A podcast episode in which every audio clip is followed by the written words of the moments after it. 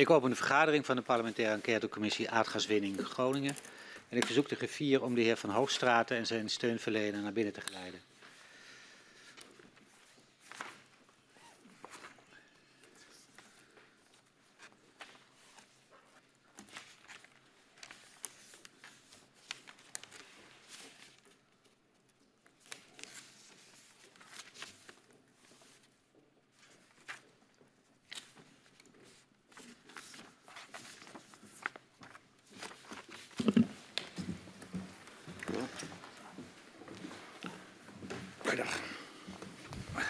Welkom meneer Van Hoogstraten. Geldt ook voor u mevrouw Fijou van Eck, hier bij de parlementaire enquêtecommissie aardgaswinning Groningen.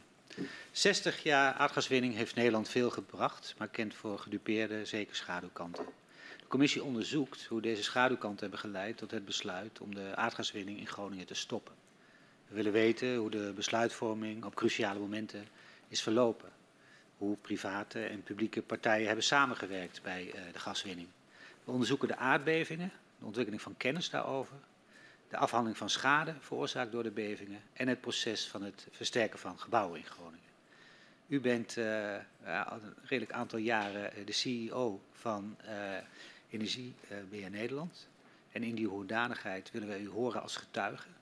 U heeft ervoor gekozen om de belofte af te leggen en daarmee de gehele waarheid en niets dan de waarheid te zullen zeggen. En om die reden verzoek ik u om even te gaan staan en mij na te zeggen, dat beloof ik. Dat beloof ik. Dan staat u onder Ede en dan mag u weer plaatsnemen. Het verhoor met u wordt afgenomen door uh, mevrouw uh, Kat en mijzelf. En mogelijk dat de heer Quint ook nog enkele vragen aan u gaat stellen. Is dat helder? Ja. Dan gaan we beginnen.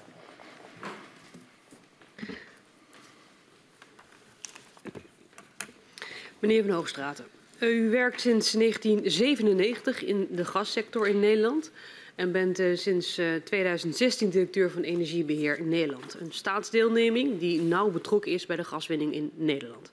U bent ook voorzitter van de branchevereniging van gasbedrijven, KVGN. En voor u overstapt naar EBN was u directeur van TACA Nederland, een staatsbedrijf uit Abu Dhabi, dat onder meer eigenaar is van de gasopslag in Bergenmeer. En in dit verhoor willen we het met u hebben over de rol en verantwoordelijkheden van EBN in het Groningse dossier, maar ook de kosten en baten van de afbouw van de gaswinning. We willen eerst uh, stilstaan bij uw vorige baan bij, bij TACA, eh, waar u van 2008 tot 2015 heeft gewerkt. Maar voordat u daar directeur werd, was u eerst directeur van de gasopslag Bergenmeer. Een commerciële gasopslag voor hoogkalorisch gas die toegankelijk is voor marktpartijen. En het opslaan van gas kan aardbevingen veroorzaken. En in 2009 becijferde TNO dat daar een aardbeving met een magnitude van 3,9 op de schaal van Richter mogelijk is. In hoeverre waren de, de seismische risico's als gevolg van de activiteiten van taken voor u en het bedrijf acceptabel? We hebben daar natuurlijk uh, uitgebreid onderzoek naar gedaan. Uh, samen met, uh, met de TNO, maar ook op basis van informatie van KNMI. En uh, op die basis uh, hebben we uh, geoordeeld dat onder de juiste omstandigheden. Dat betekent namelijk dat het veld weer op druk gebracht zou worden. Op een, en, en, dat het boven die minimale, minimale druk zou blijven. Dat het risico op aardbevingen zeer klein zou zijn. Ja, en als u zegt minimale druk, welk, om, hoe, ging, hoe ging u dan om met die risico's? Nou, we hebben dat uh, zeer uitgebreid uh, onderzocht. En uh, daar zijn geomechanische modellen van gemaakt. die hebben eigenlijk berekend dat uh, bij die minimale druk uh, dat er kans op, uh, op beweging extreem klein zou zijn. Ja, we hebben daar risicoanalyses van gedaan. Op die basis hebben we op een gegeven moment ja, gezegd dat het verantwoord was om die gasopslag te ontwikkelen. Daarnaast hebben we ook nog maatregelen genomen om, om, om ook goed in de gaten te houden van of er seismische bewegingen zou kunnen komen. Ehm, ja, er is een microseismisch netwerk voor, voor gebouwd. En ja, die, uh, dat microseismisch netwerk heeft ook aan, uh, bevestigd uh, dat er ja, zeer beperkte gesteentespanningen waren en dat het veilig was om die gasopslag te opereren. Oh. Um, na overleg met, met staatstoezicht op de mijnen, TNO en KNMI, dan start TACA in 2011 met een systeem om de bodembeweging bij de gasopslag te monitoren. Het zogenoemde verkeerslicht veiligheidsmanagement systeem. Uh, en bij aardbeving van meer dan magnitude van 1,5 op de schaal van Richter komt taken dan bijeen om maatregelen te bespreken om die bodembeweging te voorkomen of te beperken.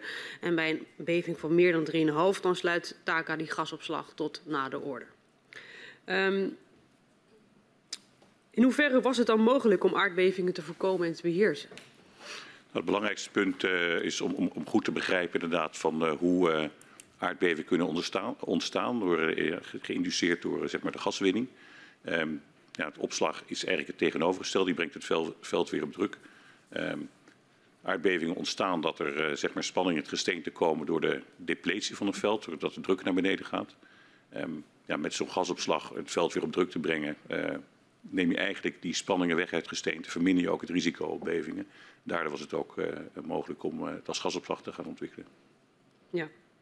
Um, hoe ging het taken destijds om met mogelijke schades aan huizen door de gasopslag? Ja, we hebben daar een, uh, een protocol voor afgesproken. Ehm, eigenlijk, in, in, ik heb dat op in, in afstemming en voorspraak van Stientje van Veldhoven, die toen de tijd in de Kamer zat, gedaan. We hadden het daarover van hoe we dat op een goede manier zouden kunnen doen. En het protocol dat we afgesproken hadden was dat mochten er toch bevingen zijn en schade ontstaan, dat we dan uh, eigenlijk uh, de burgers direct uh, zeg maar geld konden krijgen om hun schades te repareren. En dat we daarna pas zouden gaan kijken of dat wel of niet rechtmatig was. Onderdeel van het protocol was dat we ook een nulmeting hadden gedaan. Al, al eigenlijk om ja, zo, zo, snel mogelijk in geval van schade dat te kunnen te verhelpen. En dat vond ik ook belangrijk. Ja, en als u zegt um, de maatregelen, um, dan heeft u het dus over dat, dat er een nulmeting was. En als er schades werden gemeld, dat er dan eerst meteen werd uitbetaald en later pas werd bekeken of dat rechtmatig ja. was, ja of nee. Um, in hoeverre verschilde de, de, aanpak van taken met andere operators? Nou, ik denk dat deze uh, wel uniek was. Er zijn natuurlijk niet zo heel veel uh, operators actief op het land uh, in Nederland. TACA was daar één van. zeker met een project dat je ja, ontwikkelt voor, voor de komende 30 tot 50 jaar, is het ook echt van belang om heel goed uh, daar afspraken over te maken. Dat er gewoon geen onduidelijkheid uh, is, ook richting uh, de omwonenden. Ja. ja. ik denk dat we daar wel een, iets nieuws toen gedaan hebben. Ja. Um, en heeft u die, ja, die informatie kennis daarvan ook gedeeld met, met NAM bijvoorbeeld? Nee, ik had in die tijd uh, heel weinig contact met de NAM. Uh, ja, het was erg druk met uh, de activiteiten bij taken. Dat was natuurlijk een, behalve uh, ja, de discussie over schadeprotocollen waren natuurlijk ook veel andere zaken die toen veel aandacht hadden. Dus nee, ik heb dat niet met de NAM uh, besproken. Nee. Heeft u überhaupt destijds een, een, reactie van NAM gekregen op de aanpak in Bergenmeer? Uh, dat kan ik me niet herinneren. We hadden niet veel contact, geloof ik. Nee. nee. Dus het was niet in die tijd dat u met uw nieuwe aanpak dat NAM geïnteresseerd was van hé, hey, wat is dat systeem van verkeerslichten? En misschien is dat ook voor ons van toepassing. Nou, in niet met mij besproken. Kan zijn, uh, toen was er ook een, een nieuwe uh, projectdirecteur dat hij wel contact heeft gehad met de NAM, maar ik in ieder geval niet. Nee, nee. Um, wat voor gevolg had de aanpak um, um, van NAM in die periode voor- en nahuizingen voor het maatschappelijk draagvlak voor de activiteiten van TACA en andere operators? Nou, natuurlijk, een van de discussiepunten was uh, de beving in Roswinkel. Uh, die hebben we natuurlijk ook uh, naar gekeken. Ook goed te begrijpen dat, waarom dat was geweest. Om kijken of daar lessen uit geleerd konden worden die we ook konden toepassen op de geomechanische modellen van, uh, van TACA. Uh, zoals ik zeg, dit speelde voor Huizingen, dus dat, uh, daar konden we natuurlijk, ja, van die lessen konden we toen nog niet, nog niet, niet toepassen. Ja, en als u het heeft over schadegevallen aan, aan huizen, om hoeveel aantallen ging het dan? nul. Nul? Nee, er, zijn, er, is, er is er is een beetje bouwschade geweest. Ik geloof dat er totaal uh, 13 uh, gevallen zijn geweest die uh, bouwschade hebben gehad. Dat is ook vergoed, maar gerelateerd aan bevingen zijn er, is er geen schade geweest in de periode dat ik bij Taka zat. Nee, dank u wel. We gaan even door op een van uw nevenfuncties. Uh, op 18 juni 2014 wordt u benoemd tot voorzitter van NOGEPA, uh, de belangenorganisatie van Nederlandse olie- en gasbedrijven, zoals NAM en TACA. Uh, tegenwoordig heten ze geloof ik Element NL. Ja. U was eerder vicevoorzitter daar ook. Wat ziet u als de toegevoegde waarde van NOGEPA? Ja, NOGEPA, nu Element NL. Uh, zeker in die tijd was uh, met name gefocust op uh, het uitwisselen van operationele kennis op het gebied van veiligheid, samenwerken op het gebied van logistiek. En natuurlijk was er ook een, een, een, rol in, in de discussie rond bijvoorbeeld schaliegassen. Dat speelde toen heel sterk. En daar had Nogepa, had, met name de, de secretaris-generaal van Nogepa, had ook veel, veel, veelvuldig contact met de Kamerleden erover. Uh, mijn rol als voorzitter in die tijd was ja, eigenlijk het voorzitter van de vergaderingen, maar ook wat agenderen van, van issues. U noemde hem al even, de secretaris-generaal, de heer Peters. Die is in 2014 ook namens Nogepa betrokken bij de zoektocht naar een nieuwe inspecteur-generaal van het staatstoezicht op de mijnen. Eh, omdat er gezocht moet worden naar een opvolger van eh, Jan de Jong. Um, en uh, ik geloof ook dat hij het is die aan uh, het ministerie van Economische Zaken voorstelt om Harry van der Meijden, die oud-directeur was van Shell Nederland, uh, als kandidaat uit te nodigen.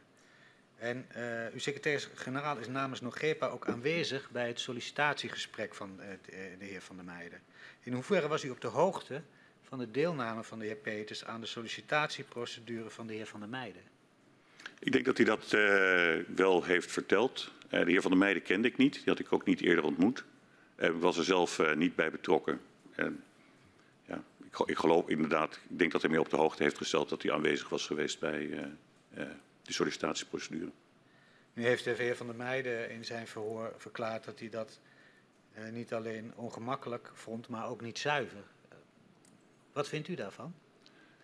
Ik kan me daar wel iets bij voorstellen. Het is, uh, dus de, de inspecteur-generaal uh, houdt toezicht op, op de sector. En dan is het inderdaad opvallend dat een, iemand van een branchevereniging dan aanwezig is bij de selectie van de inspecteur-generaal.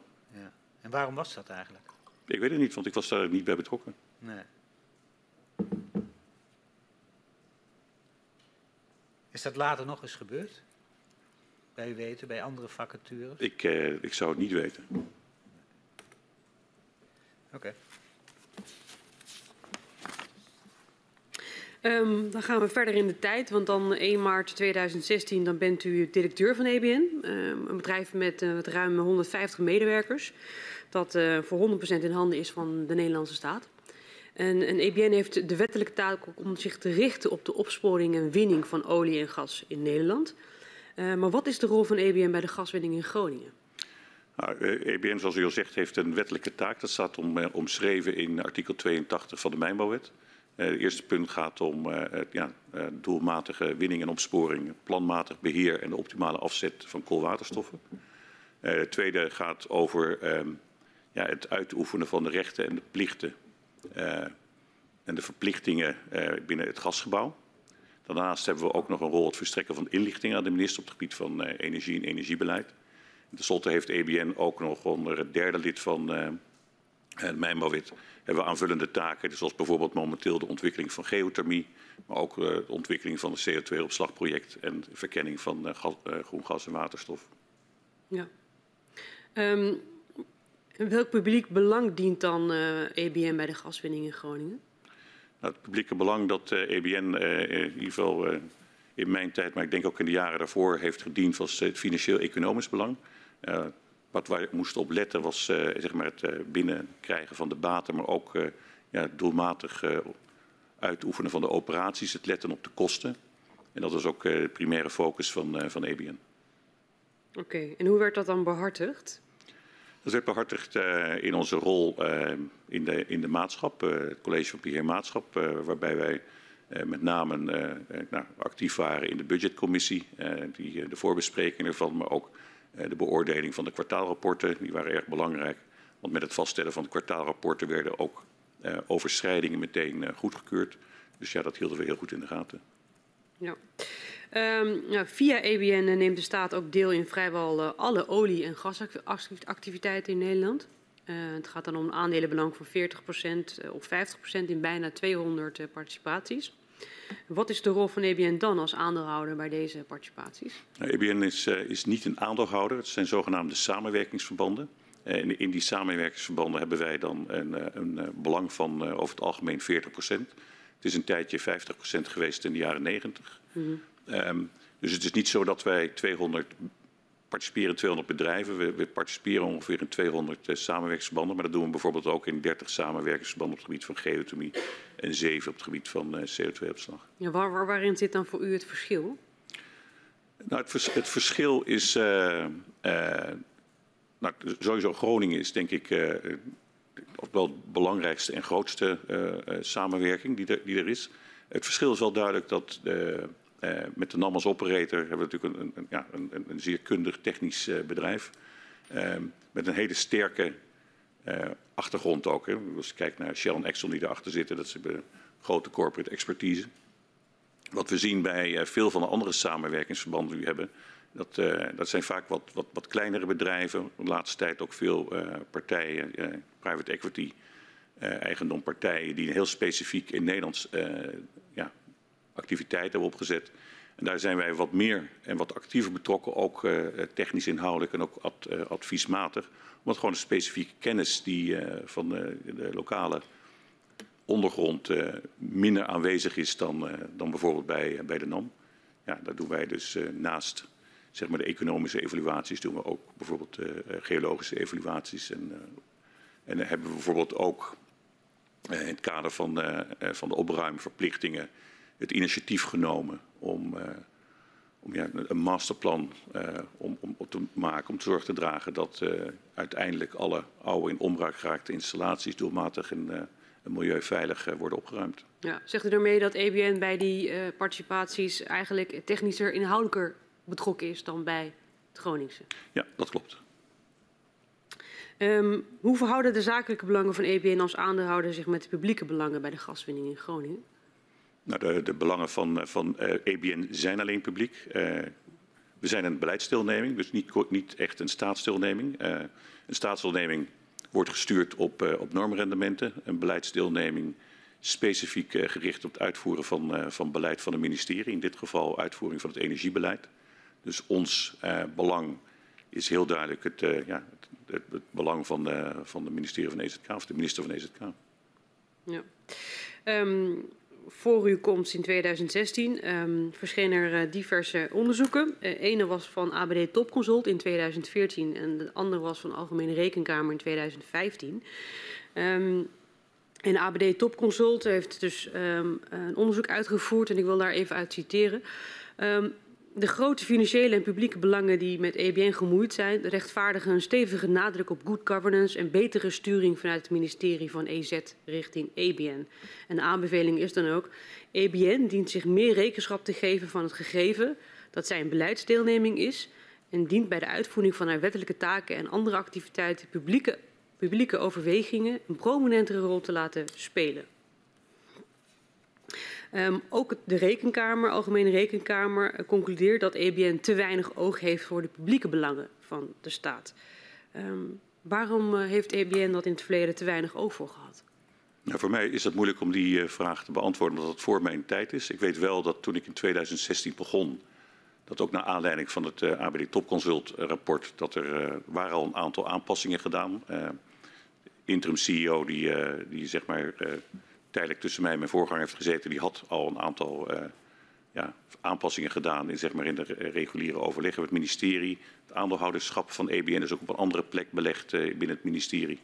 En toen ik begon in 2016 uh, eh, was voor mij heel duidelijk dat, ja, dat publieke belang stond voor mij heeft altijd voorop gestaan. Dat, dat stond er toen ook al. En dat dat ja, die situatie niet meer zo was. En dat is ook later bevestigd. Er is recent nog een een, beleidsevaluatie gedaan uh, door het ministerie van EZK op EBN. En die heeft ook aangegeven dat, uh, terugkijkend ook op het AB Top, uh, Topconsult rapport, dat dit sterk verbeterd is. En dat EBN doeltreffend zijn publieke rol uitoefent. Ja, dus zegt u daarmee dat, dat naar aanleiding van het ABD Topconsult rapport en de Algemene Rekenkamer een interne um, um, ja, uh, um, strategie is, is, is, of tenminste een uitvoering is gegeven aan die een van die aanbevelingen. En dat het is afgerond voordat u kwam als directeur. Ja, dat was al afgerond en of in ieder geval in gang gezet. Uh, um, voor mijn komst. En dat heb ik toch denk ik verder, verder uitgebouwd. Ja, dus het publieke bewustzijn was verbeterd toen u aantrad als directeur. Absoluut. En ik denk ook elke EBN die spreekt, zal ook hebben, uh, zeggen dat hij inderdaad in eerste instantie staat, publieke belang staat voorop. Ja, en als u zegt publieke belang, wat verstaat u eronder? Nou, het publieke belang is natuurlijk heel breed. Uh, het publieke belang is natuurlijk enerzijds in het geval van uh, gaswinning is het lang geweest het financieel-economisch belang, maar daarnaast is ook het publieke belang van zeg maar inpassing in de omgeving en de relatie met je omgeving heel belangrijk. Als je kijkt naar de nieuwe activiteiten die EBN eh, ontplooit, zoals bijvoorbeeld de seismische campagne Uitwarmte Nederland, waar we in 93 gemeentes en uh, zeven provincies uh, de ondergrond in kaart hebben gebracht. Dat hebben we heel nauwe samenwerking gedaan, ook met, uh, ja, met de omwonenden en de, en de gemeentes. Ja, en als u, um, u zei net al, um, we hebben het verbeterd en dat blijkt ook later uit een andere onderzoek qua evaluatie. Um, toch lezen we in uh, een NRC-artikel dat Energiebeheer Nederland dat de publieke belangen in een gaswinning moet behartigen, maar zich in de praktijk gedraagt als commercieel energiebedrijf. Wat is ja. uw reflectie daarop? Nou, dat herken ik niet. Als u ook de, de, de notulen van de verschillende CBN's leest en CVG's, dan zult u zien dat wij uh, altijd, zeker in mijn tijd, het publieke belang hebben gediend. Ik wil nog even terugkomen op een antwoord dat u gaf. Um, 200 participaties waarin u een belang heeft, maar geen, u bent geen aandeelhouder, zei u. Uh, komt dat omdat die participaties uh, misschien uh, daarachter bedrijven zitten waar u meerdere participaties mee hebt, of dat het geen zelfstandige ondernemingen zijn? Kunt u dat nog even uitleggen? Ja, de, de manier waarop partijen in de olie- en gassector samenwerken is zogenaamde joint ventures. die joint ventures zijn, zijn samenwerkingsverbanden tussen olie- en gasbedrijven. daarnaast is er een zogenaamde overeenkomst van samenwerking, een OVS, met EBN. Dit is een OVS is vastgesteld door de minister. Die kunnen nog EBN, nog deze joint venture partners groepen kunnen daarvan afwijken. En in die OVS staat precies omschreven wat de rechten en de plichten van de verschillende partijen zijn. EBN is daarbij geen vergunninghouder, maar heeft wel een, ja, een, een financieel-economisch belang in, in deze joint ventures om zorg te dragen dat de gasbaten enerzijds goed richting de staat gaan, maar anderzijds ook om toezicht te houden op de kostenniveau. En daarom wordt het een belang genoemd en, en niet... En geen aandeelhouderschap, nee. Ja. U heeft ook al uitgelegd dat EBN een beleidsdeelneming is en dus primair publieke doelen moet dienen dan dat het een, ja, een staatsdeelneming is, wat in principe een commerciële activiteit is waar rendement mee moet worden gemaakt. Ja. ja. Um, in dat kader, hoe vaak uh, ja, heeft u uh, contact met het ministerie van Economische Zaken? Nou, uh, bij de receptie kennen ze me heel goed. Ik kom gemiddeld drie tot vijf keer de week op het ministerie. Ehm, we, hebben, we, hebben, reguliere afspraken met de relatie met EZK. EZK is onze aandeelhouder, ze zijn onze beleidsmakers, ze zijn onze subsidieverstrekker, zijn vergunningverlener en ze zijn ook nog toezichthouder. dus die, dat is in verschillende departementen belegd. Um, we hebben regelmatig uh, uh, gestructureerde overleggen, zoals bijvoorbeeld aandeelhoudersoverleggen of strategisch overleggen. Maar er zijn ook vaak uh, ad hoc overleggen, zoals nu recent over voorzieningszekerheid van gas. Zijn we druk bezig geweest met het ministerie om zorg te dragen dat er voldoende gas is voor de komende winter. Ja. En welk beleid van het ministerie voer, voert u nou uit in zaken de gaswinning Groningen? Maar het beleid is uh, lang geweest uh, zorg dragen om ja, het focus op, uh, op de baten en op de kosten. toezien dat er geen onrechtmatige kosten opgebracht werden. En daarnaast zeg maar andere zaken die, die dan van belang waren. Ik bedoel, het zijn ook de discussies over bijvoorbeeld het vaststellen van, van bijvoorbeeld de compensatie van een CEO van, een, van het Gastera. En hoe, hoe verloopt die afstemming als het gaat om het beleid dat het ministerie graag ziet rond het Groningenveld en de inbreng die u heeft ook als participant in Chemia van het gasgebouw? Ja, we hebben daar beide, er zijn verschillende commissies binnen het gasgebouw. die, je hebt een adviescommissie van aandeelhouder, je hebt een budgetcommissie, een aantal andere commissies. Uh, gezamenlijk, uh, elke keer worden er zeg maar, adviesnotities uh, voorbereid. die adviesnotities die bespreken wij eerst binnen EBN. EZK e maakt ook adviesnotities en vervolgens gaan we dan in gezamenlijkheid, en dat is dan ikzelf, onze financieel directeur en de regeringsvertegenwoordiger, plus een ondersteunende staf, bespreken dit en, en, gaan door de hele agenda heen van, van het CBM of CBG, CVG en stemmen dan af inderdaad waar de prioriteiten liggen. Ja, dat is het college beheermaatschap aan de winningskant en het college van gedelegeerd commissaris aan de verkoop Ja. ja. Uh, hoeveel ruimte heeft u dan als directeur van EBN om aanpassingen voor te stellen op het uh, beleid rond het Groningenveld, dat uh, het ministerie voor ogen staat? Welke ruimte heeft u daar in? Nou, het van belang is, uh, wat, wat, wij doen, is ook het verstrekken van inlichtingen. En op basis van, van zeg maar analyses die wij doen en inzichten die wij krijgen, delen wij die ook met het ministerie. En dan bespreken we bijvoorbeeld ook inderdaad wat bijvoorbeeld de consequenties zouden kunnen zijn. Uiteindelijk gaat de minister over het beleid van, van het gasgebouw van, van Groningen. En uiteindelijk moeten wij dat dan ook uitvoeren. Maar we brengen natuurlijk wel de, ja, de kennis en informatie die we hebben, die brengen wij in zodat uh, uh, ja, ter ondersteuning van beleidsvorming. En beschikt u dan over andere en meer kennis dan uh, de operator die u kunt inbrengen? Nou, wij, wij, in het geval van Groningen heeft de NAM natuurlijk veel meer kennis dan, dan, wij dat hebben. Ik bedoel, in de tijd dat ik begon in 2016 werkte er bij de NAM inclusief aannemers bijna 6000 mensen. EBN had in 2016 74 mensen, waarvan er ongeveer 10 aan Groningen werkten. Dus ja, dat, dat konden we natuurlijk wel niet de mensen de middelen om alles te, uh, uh, te controleren. Vandaar dat onze focus was op, uh, ja, op die kosten en op de, op de baten. En is dat nog veranderd in de loop der tijd? Nou, ik, ik denk wel dat het. we hebben wel op een gegeven moment meer geïnvesteerd in kennisvergaring. Om ook, nadat de NAM op een gegeven moment zeer veel studies ging doen. uiteindelijk is er bijna voor 150 miljoen euro aan studies uitgevoerd. Om ook daar beter toezicht op te kunnen houden. Of die studies ook doelmatig werden gedaan. Um, recent heeft uh, de huidige staatssecretaris besloten om niet langer een regeringsvertegenwoordiger te sturen naar, uh, naar de maatschap.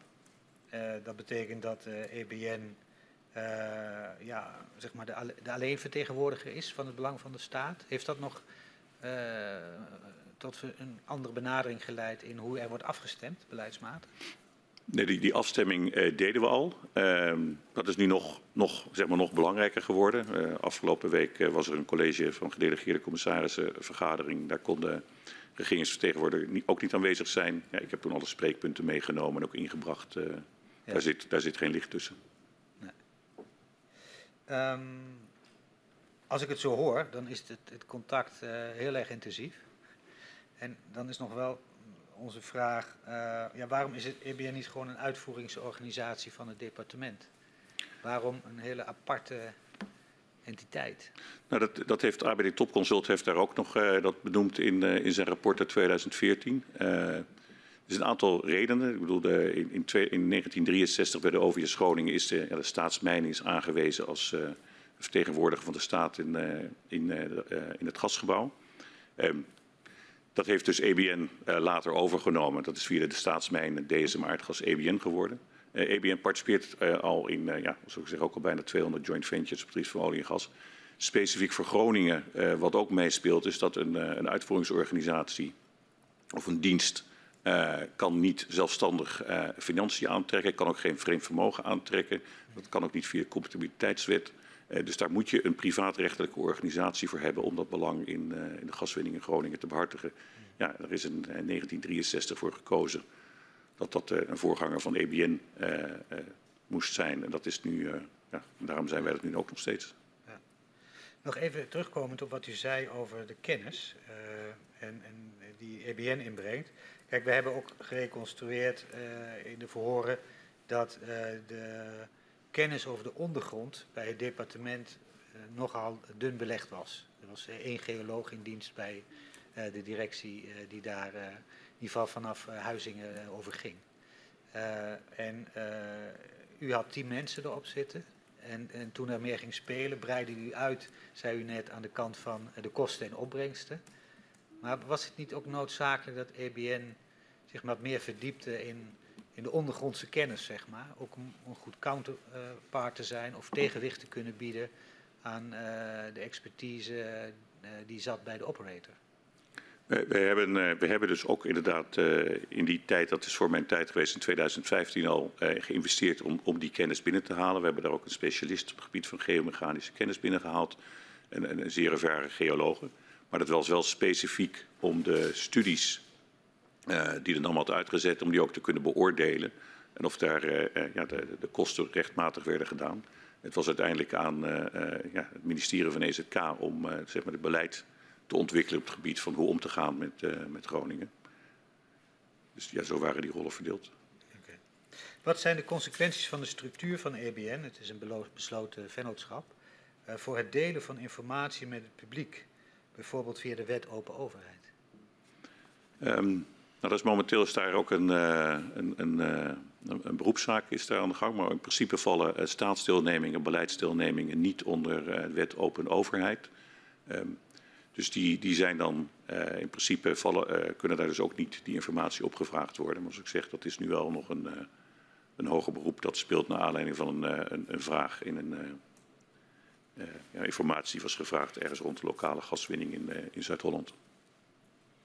En uh, los van de intensieve contacten die u in afstemming ook hebt met het ministerie van Economische Zaken, in hoeverre heeft u ruimte om breder te lobbyen in de politiek? ook bijvoorbeeld bij de Kamer? Nou, wij, wij, wij, lobbyen niet in de politiek. Wij, wel, wij, wij, delen informatie. Dat vinden wij ook een, een publiek belang. Kamerleden hebben ja, ingewikkelde grote afwegingen te maken in het gebied van energie en energiebeleid. als nodig ja, lever, ja, leveren we informatie. Met name ook om, om ze met name te helpen op het gebied van het versterken van de kennis van het energiesysteem. Vinden een hele belangrijke. In de afstemming die u heeft met het ministerie over uw inbreng bij de maatschap en ook bij de, commissaris, de gedelegeerde commissaris van Gasterra, worden dan ook specifieke stemaanwijzingen gegeven of, door het ministerie of is dat niet nodig? dat is in mijn tijd in ieder geval niet gebeurd. Wat wel zo is dat in de statuten van EBN staat dat zeker in, bij Gasterra dat wij niet mogen afwijken van de stem de stem van, van de staat. Daarvoor moeten we eerst toestemming van de minister vragen. Maar naar mijn weten is dat ook nog nooit gebeurd. Nee. Maar er wordt mij wel bij afwezigheid van de regeringsvertegenwoordiger wordt me wel gevraagd bijvoorbeeld specifieke punten in te brengen. Oké. Okay. Um, Oud-minister van Economische Zaken Henk Kamp heeft uh, tijdens zijn periode in het kabinet op verschillende punten kritiek op de rol van EBN uh, in het gasgebouw. Um, bijvoorbeeld in een nota uh, waarin hij schrijft, ik citeer, ik zie niet wat de meerwaarde is van de maatschap Groningen en van EBN. Zij maken het volgens mij slechts gecompliceerd en onoverzichtelijk. Vooralsnog lukt het mij, mij tijd om het hele gasgebouw eens goed door te laten lichten. Um, hij heeft dit ook in het openbaar verhoor uh, aan de orde gesteld. En, en ik citeer, EBN is een staatsdeelneming, maar die ging behoorlijk hun eigen gang. Einde citaat. Ook het eerdere genoemde ABD Topconsult eh, constateert in 2014 dat EBN een te vrije rolopvatting hanteert. Um, op welke manier hanteerde EBN een te vrije rolopvatting, denkt u? Nou, dat was zoals u zegt uh, voor mijn tijd. Ik herken dit namelijk uh, niet. Uh, dat, vanuit 2014 dat ging over participatie van EBN in geothermie. Het, het interessante was dat met mijn kennismakingsgesprek met de heer Kamp liep ik daarheen samen met de secretaris-generaal Maarten Kamps. Die zei, Jan Willem, begin niet over geothermie. Ik kom daar binnen, het eerste wat Henk Kamp tegen mij zegt... God, meneer Van Hoogstraten, wat zullen we met geothermie in Nederland gaan doen? Toen zei ik, van, nou, ik ben blij dat u erover begint. Want dat is namelijk ook de reden waarom ik bij EBN gekomen is... omdat ik me in wil zetten bij, uh, ja, voor de verduurzaming van onze energievoorziening. En we hebben daar uh, nou, eigenlijk ook vrij snel toen ook afspraken over gemaakt... hoe EBN kan helpen om de sector uh, ja, te versterken... en hoe we de ontwikkeling van geothermie kunnen helpen versnellen. En hoe we ook ja, het allemaal te kunnen verbeteren.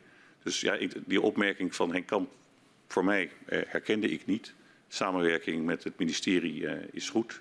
we spreken met enige regelmaat, stemmen we ook af met de minister. Ik heb denk ik nu vier ministers en twee staatssecretarissen gehad de afgelopen zes jaar.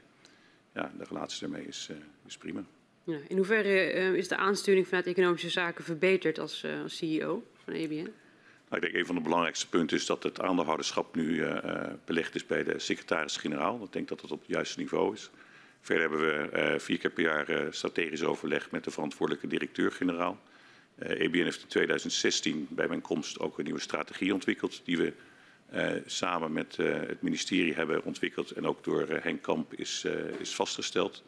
En afgelopen jaar hebben we een herijking van onze strategie gedaan. Dat hebben we ook met klankbordgroepen gedaan van het ministerie. En ik heb afgelopen week ook nog met een aantal directeuren van het ministerie gezeten om te kijken hoe we die strategie vervolgens kunnen operationaliseren. Um, De heer uh, Kamp zei ook uh, dat de inbreng van de overheid door de constructie met EBN in het gasgebouw, ik citeer, niet zo krachtig was als die had kunnen zijn. En als voorbeeld noemde hij Gasterra, waar de overheid 10% van de aandelen direct in handen heeft en 40% indirect via EBN. En door deze getrapte constructie vormde de overheid volgens Kamp geen sterke macht. Herkent u deze kritiek? Uh, nee, dat herken ik niet, want uh, we hadden uh, gezamenlijk 50% belang in Gasterra. Er konden geen besluiten genomen worden zonder deze combinatie. Dat is ook nooit, nooit gebeurd. Daarbij, zoals ik eerder zei, in de statuten van EBN staat dat EBN niet anders kan stemmen dan de staat. Dus ja, wij trokken daar altijd nauw samen op. Ja. In hoeverre is de positie van de staat als aandeelhouder bij Gasterra volgens u verbeterd? Ik kan natuurlijk alleen eh, beoordelen sinds 2016. Mm -hmm. de primaire focus sinds 2016 is ge, ook echt uh, gefocust van hoe kunnen we uh, de gaswinning in Groningen verminderen.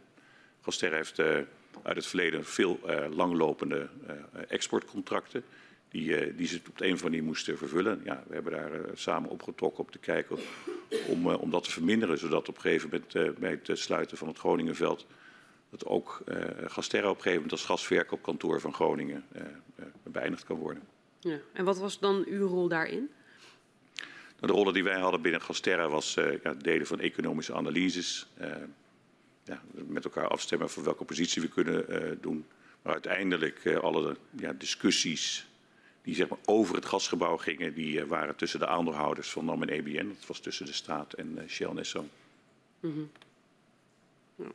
Hoe beoordeelt u nu de positie van de overheid in het gasgebouw vanuit uw ervaring als eh, CEO van EBN? Nou, ik denk dat het heel belangrijk is dat, uh, dat de overheid uh, daarbij betrokken is. Ik bedoel, de, de, de, vroeger was dat natuurlijk van groot belang vanwege de, ja, de financiële aspecten van de gaswinning, uh, de, de, gasbaten. Nu nog veel belangrijker is het ja, de, afbouw van de gaswinning en ook zorg dragen dat, dat schadeafhandeling en versterking goed geregeld wordt. Dat, ja, dat kan alleen een, eh, de overheid kan daar echt het voortouw nemen. Ja, en als je zegt voortouw nemen, is het dan verbeterd of verslechterd, de positie? Nou, ik denk dat de, dat de positie van, van de overheid een stuk sterker is geworden. Ik bedoel, de overheid stuurt nu bijvoorbeeld nu de, de, de IMG en de NCG, dus de Instituut Mijnbouw Schade en de Nationaal Coördinator Groningen aan. En, om, om, ook inderdaad de zorg te dragen dat, dat schades afgehandeld worden en versterkingsopgaves gehaald worden. -hmm. Ik heb nog even een vraag over de worsteling voor de staat op dit dossier. Was het veiligheidsbelang afwegen tegen het belang van de leveringszekerheid? In hoeverre was dat ook een worsteling bij EBN? En hoe ging EBN daarmee om? Nou, zoals ik u zei, dat, dat EBN als beleidsdeelneming dient het beleid van de staat uit te voeren. Ehm, dus voor ons was de dus ik zeg, wel, als, als beleidsdeelneming ook geen, geen, geen winst- of rendementseisen vanuit de overheid. Dus voor ons was dat een, eh, was dat een gegeven. Dus daar hadden wij niet een specifieke opvatting of mening over. En veiligheid? Maar veiligheid is, uh, is, is, is vanzelfsprekend. Dat is inherent aan, aan, uh, aan dat je business uh, moet, moet veilig zijn. Dat hebben we ook in het gasgebouw daar regelmatig over gesproken. Ja. Maar u zag wel dat het ministerie en de minister daar beleidsverantwoordelijk in was in de zin van hij moest op een gegeven moment een keuze maken. Ook op welk niveau leg ik de winning, gelet ja. op het veiligheidsbelang en op het leveringszekerheidsbelang. Had u daar dan ook adviezen op? Gaf u die? Of Nee, de, dat is niet onze verantwoordelijkheid. Uh, we mengen ons niet in die discussie. Nee, de minister heeft een aantal andere organisaties die hem daarover adviseren. Nou, natuurlijk staat Soezier op de mijnen, maar ook uh, TNO, uh, de Mijnraad, de Technische Commissie Bodembeweging, die ja, dit soort adviezen ga, gaven, zodat de minister inderdaad ja. een wel overwogen oordeel kon geven. Dat was niet de rol van de EBN. Die kennis en kunde, die, die hadden wij ook niet. Onze focus was echt puur op dat, ja, toch voornamelijk op het financieel-economisch belang van de staat en de gaswinning. Dus u, u, u, had die rol niet, u had eigenlijk ook de capaciteiten niet om die rol te vervullen en u wilde zich er in die zin ook niet uh, tussen mengen, omdat anderen nou ja, daarvoor verantwoordelijk waren. Dat, dat, dat, dat, uh, dat, was echt onze rol niet. Uh, we hadden ook, zoals ik eerder zeg, we hadden de mensen middelen niet. Als de overheid dat anders had willen inrichten, dan hadden ze dat ook veel langer geleden moeten doen. Maar in deze situatie was het zo dat uh, er andere adviesorganisaties waren die specifiek op dit onderwerp adviseerden. Ja. Nou, in dat kader, want een van de, de, maatregelen op een gegeven moment, want u, u, had het net over de langlopende contracten, die lopen voor vele jaren en vaak met uh, buitenlandse afnemers van laagkalorisch gas. Ja. En uh, op een gegeven moment wordt ook ingezet op ja, het overhalen van die landen, moet ik zeggen, of in ieder geval de partijen in die landen, om uh, apparaten om te gaan bouwen, zodat ze uh, niet meer op laagkalorisch, maar uh, in de toekomst op hoogkalorisch gas over kunnen gaan. Wat is dan nou precies de rolverdeling tussen EBN, Ingasterra, de regeringsvertegenwoordiger Ingasterra, het beleidsverantwoordelijke departement en de organisatie Gasterra om met de contractpartijen die gesprekken aan te gaan over die afbouw? Wie doet dan wat? De, de, de, afbouw met uh, Duitsland, uh, Frankrijk en België is gedaan uh, tussen de, de, verschillende overheden. Daar heeft nog Gasterra, nog EBN enige rol in gehad. Het proberen te heronderhandelen of het beëindigen van contracten. dat gebeurt dat de directie van Gasterra vraagt een zogenaamd onderhandelingsmandaat. dat mandaat wordt eerst voorgelegd aan de adviescommissie van aandeelhouders. En vervolgens wordt dat ter besluitvorming neergelegd bij het college van gedelegeerde commissarissen. En dan wordt er op een gegeven moment een, een mandaat meegegeven. En dan kan uh, de directie van Gasterra zeg maar, in gesprek met de andere partijen om te kijken om die contracten te beëindigen. En veel van die contracten die zijn nu beëindigd, maar er zijn nog twee hele grote lage calorisch gascontracten met, met Duitsland en met België, die, die nog niet beëindigd zijn. Oké. In 2019 stelt de Hoge Raad dat EBN, ik citeer, een aanzienlijke invloed heeft op het beleid uh, over de gaswinning in Groningen en dat EBN als exploitant aansprakelijk is voor de schade als gevolg van de gaswinning. De Hoge Raad baseert deze uitspraken op de afspraken uit de overeenkomst van samenwerking uit 1963, waarin staat dat NAM en EBN via de maatschap Groningen gezamenlijk beleid voeren in zaken het Groningenveld. EBN zit dus ook, als genoemd al, in het college van beheer van de maatschap dat jaarlijks het plan van uh, opsporing en winning voor het Groningenveld vaststelt. En NAM is gebonden aan de besluiten die het college van beheer neemt. In hoeverre verschilde de zienswijze van de Hoge Raad met uw eigen opvatting over de rol van EBN? Nou, vanzelfsprekend respecteren we de uitspraak uh, van de Hoge Raad. Uh, we zien het wel als een juridisch oordeel waarbij partijen dus direct EBN aansprakelijk kunnen stellen bij, bij schade. EBN betaalt sowieso 40% van alle schade, of die nou via de NAM komt of, of uh, direct. Dus dat maakt dan geen verschil. Um, in de OVS staat inderdaad over het gezamenlijk beleid, maar in de praktijk uh, wordt het beleid uh, door de NAM voorgesteld. EBN heeft daar ook geen, in de praktijk ook geen rol in. Dus ja, wij, wij zoals ik zeg, wij respecteren de uitspraak van de Hoge Raad. Maar ook op dat moment in 2019 was sowieso de schadeafhandeling en de versterking al in publieke handen gekomen. Dus voor ons veranderde er op dat moment uh, niet veel. En daarbij hadden wij sowieso niet de, ja, de mensen, de middelen om zeg maar, zo'n rol in te gaan vullen als dat zou moeten. Ja, EBN heeft in al die jaren nooit een, ja, een moertje aangedraaid of een schop in de, schop, schop in de grond gestoken voor in Groningen. U, u geeft aan, op dat moment was het al overgegaan in publieke handen. Op zich is het nog steeds mogelijk, denk ik, om civielrechtelijk EBN op haar aansprakelijkheid aan te spreken. Is dat in de praktijk gebeurd? Uh, nou, EBN is een aantal keren uh, gezamenlijk ook met uh, de NAM aangesproken. ik geloof in totaal zijn er twaalf zaken geweest. EBN is nooit zelf een zaak begonnen. Elf daarvan zijn ook geschikt of, of, of gestopt. Het kan zijn dat één of twee keer EBN direct is aangesproken. maar die zijn later toch weer naar de NAM gegaan. Uiteindelijk voor EBN uh, maakt het aan zich geen verschil, want wij betalen sowieso 40% van de kosten. Als EBN direct wordt aangesproken, dan kunnen wij en moeten wij ook 60% van die kosten op de NAM verhalen. Ja. En dat is nog uh, zeg maar het onderdeel van het oorspronkelijke akkoord van, uh, van samenwerking? Ja, dat, na, naast de OVS-overeenkomst van samenwerking is ook een zogenaamde accountingprocedure. En in die accountingprocedure is dan ook de mogelijkheid van het recht van Waarbij EBN uh, dan die kosten uh, van 60% weer op de NAM kan verhalen. En zegt u nu dat er eigenlijk materieel gezien geen enkele effect is uitgegaan van deze uitspraak van de Hoge Raad? Nou, materieel gezien is het zeker voor Groningen geen, uh, geen effect geweest. ja, voor die andere 198 joint ventures is het ons niet helemaal duidelijk wat daar precies de positie is. In hoeverre EBN daar ook mede-exploitant is, ja of nee? Precies. Want in principe is EBN een participatiemaatschappij. We doen altijd alles uh, met en via anderen. En we hebben niet de mensen en middelen om uh, op te treden als een exploitant. En dat is ook nooit de bedoeling geweest van de mijnbouwwet. Ja. En mijn vraag ging eigenlijk over het verschil in zienswijze tussen EBN en de Hoge Raad. Wat is, had u dan een, een andere zienswijze en waar bestond die dan uit?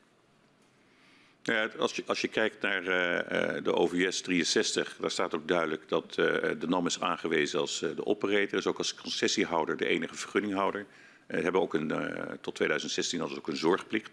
Um, dus dat was gewoon voor ons helder dat, dat de NAM de operator, de exploitant van het Groningenveld was. Maar ja, op basis van, van de OVS en de interpretatie van het burgerlijk wetboek heeft de Hoge Raad besloten, beslist dat EBN als mede-exploitant gezien kan worden. Ja, dat is natuurlijk een besluit dat we respecteren. En komt dat mede omdat EBN uh, net zoveel verantwoordelijkheid draagt en ook een belang uh, vertegenwoordigd is in de maatschap als de andere partij? Nou, ik denk dat, dat de rollen in, de, in, de, in hoe die verdeeld zijn in de maatschap is duidelijk. de NAM is de operator, EBN is een, is een, een maat in de maatschap, maar heeft een ja, financieel-economische rol. Ja, dit, ik, ik uh, kan natuurlijk niet uh, uh, speculeren waarom de Hoge Raad op dit oordeel is gekomen, maar ze hebben deze uitspraak gedaan. Ja. Maar bent u het er nou wel of niet mee eens? Nou, ik zou zeggen, ik bedoel, als de Hoge Raad de uitspraak, dat, heb ik, dat kan ik niet anders doen dan het respecteren. Dat geldt voor iedereen natuurlijk. Ja. Dat is, maar is eigenlijk niet mijn vraag. Nee, maar nou, ik, ik, ik, het, gaat, het gaat er eerder gezegd gaat er niet om of ik wel of niet eens ben. Ik bedoel, de situatie is natuurlijk dat we aangewezen zijn als mede-exploitant. Ja. Maar dat het in de praktijk A, niet zo, geen impact heeft, maar B ook dat, uh, ja, dat de rollen gewoon toch echt wel duidelijk anders zijn. Ja. Kijk, er, is natuurlijk door de pauze destijds voor een bijzondere constructie gekozen. En dat was in 63. En onze samenleving is in die jaren veranderd.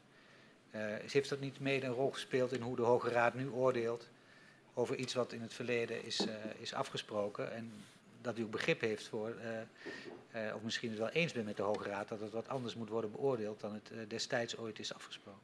Ja, maar de, de, situatie is natuurlijk wel, zo zegt dat ik begon in 2016, dat het nam inclusief aannemers bijna 6000 mensen. Wij deden dat met 10 mensen. Dus ja. Ik, ik, weet ook niet hoe we dat anders hadden kunnen doen. Dan had er ook vanuit het ministerie wezenlijk andere beleidswijzigingen gedaan moeten worden.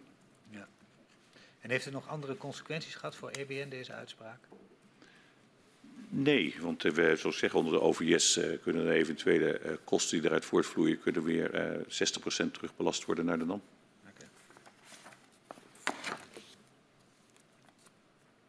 Okay. Um, de Hoge Raad stelt ook dat, uh, dat de positie van EBN zeer verweven is met de positie van NAM, dat EBN naast NAM als exploitant moet worden aangemerkt. In hoeverre trok EBN samen op met NAM?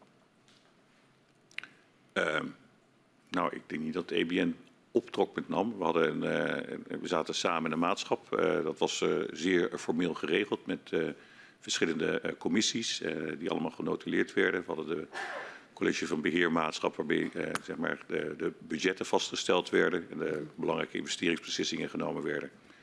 En daar werd altijd eigenstandig, maakten wij daar ons oordeel. Ja, en kwam het dan wel eens voor dat u het niet eens was met de keuzes van NAM? Nou, de, ik, ik, voor in de periode dat ik zelf uh, in, in het gasgebouw zat, toch een aantal keer gehad dat we daar wel, ja, wat stevige discussies gehad. Ik kan me herinneren, toen ik vrij in het begin discussies hebben gehad over de reorganisatiekosten die, uh, die NAM aan de maatschap wilde belasten. En later ook, ja, ook, een stevige discussie over het intrekken van Shell van de 403-verklaring. Ja, maar waarom, daar komen we uitgebreid op terug op die 403-verklaring. En waarom was u het niet eens met die kosten van die reorganisatie?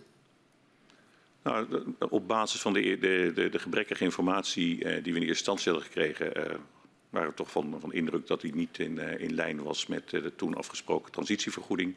En dat wij ook gezien het feit dat wij de andere participaties die we hebben, waarbij ook aanpassingen en reorganisatie waren geweest, dat we de, de, ehm, de vergoedingen wel erg ruimhartig vonden. Dus daar, daar waren we niet zo blij mee. Want ja, onze rol is toch echt vanuit publiek belang te kijken dat er geen onrechtmatige kosten aan de maatschappij worden doorgerekend. Ja, en we zien ook in onze stukken dat NAM uh, druk uh, heeft uitgeoefend op, op uh, EBN om te laten betalen.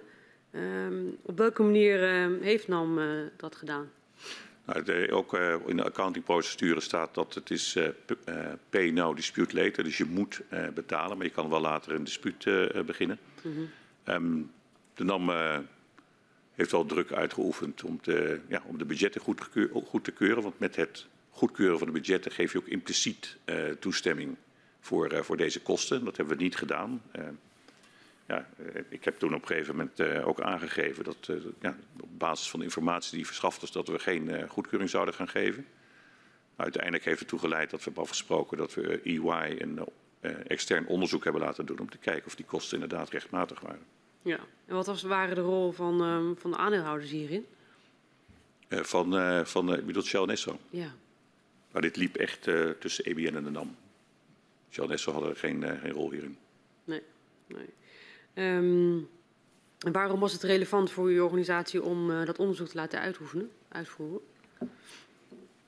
nou, het was relevant omdat we echt ja, zeker wilden dat, dat alle kosten die aan de maatschappij werden doorgerekend, dat die rechtmatig waren. Daar hadden wij een zorg over. Dus dat wilden we gewoon laten uitzoeken. Ja. En um, waren er consequenties van het geschil voor de samenwerking? Die was die is al een tijdje wat gespannen geweest, ja. ja hoe, hoe merkt u dat? Nou, ik kreeg met een opmerking van de toenmalige NAM-directeur van... Uh, nou, als je niet goedkeurt, dan stoppen we wel met de gaswinning. Ja. Raakt u daarvan onder de indruk? Nee, ik heb ook gezegd, moet je vooral doen. En hoe ging u uit, uiteen?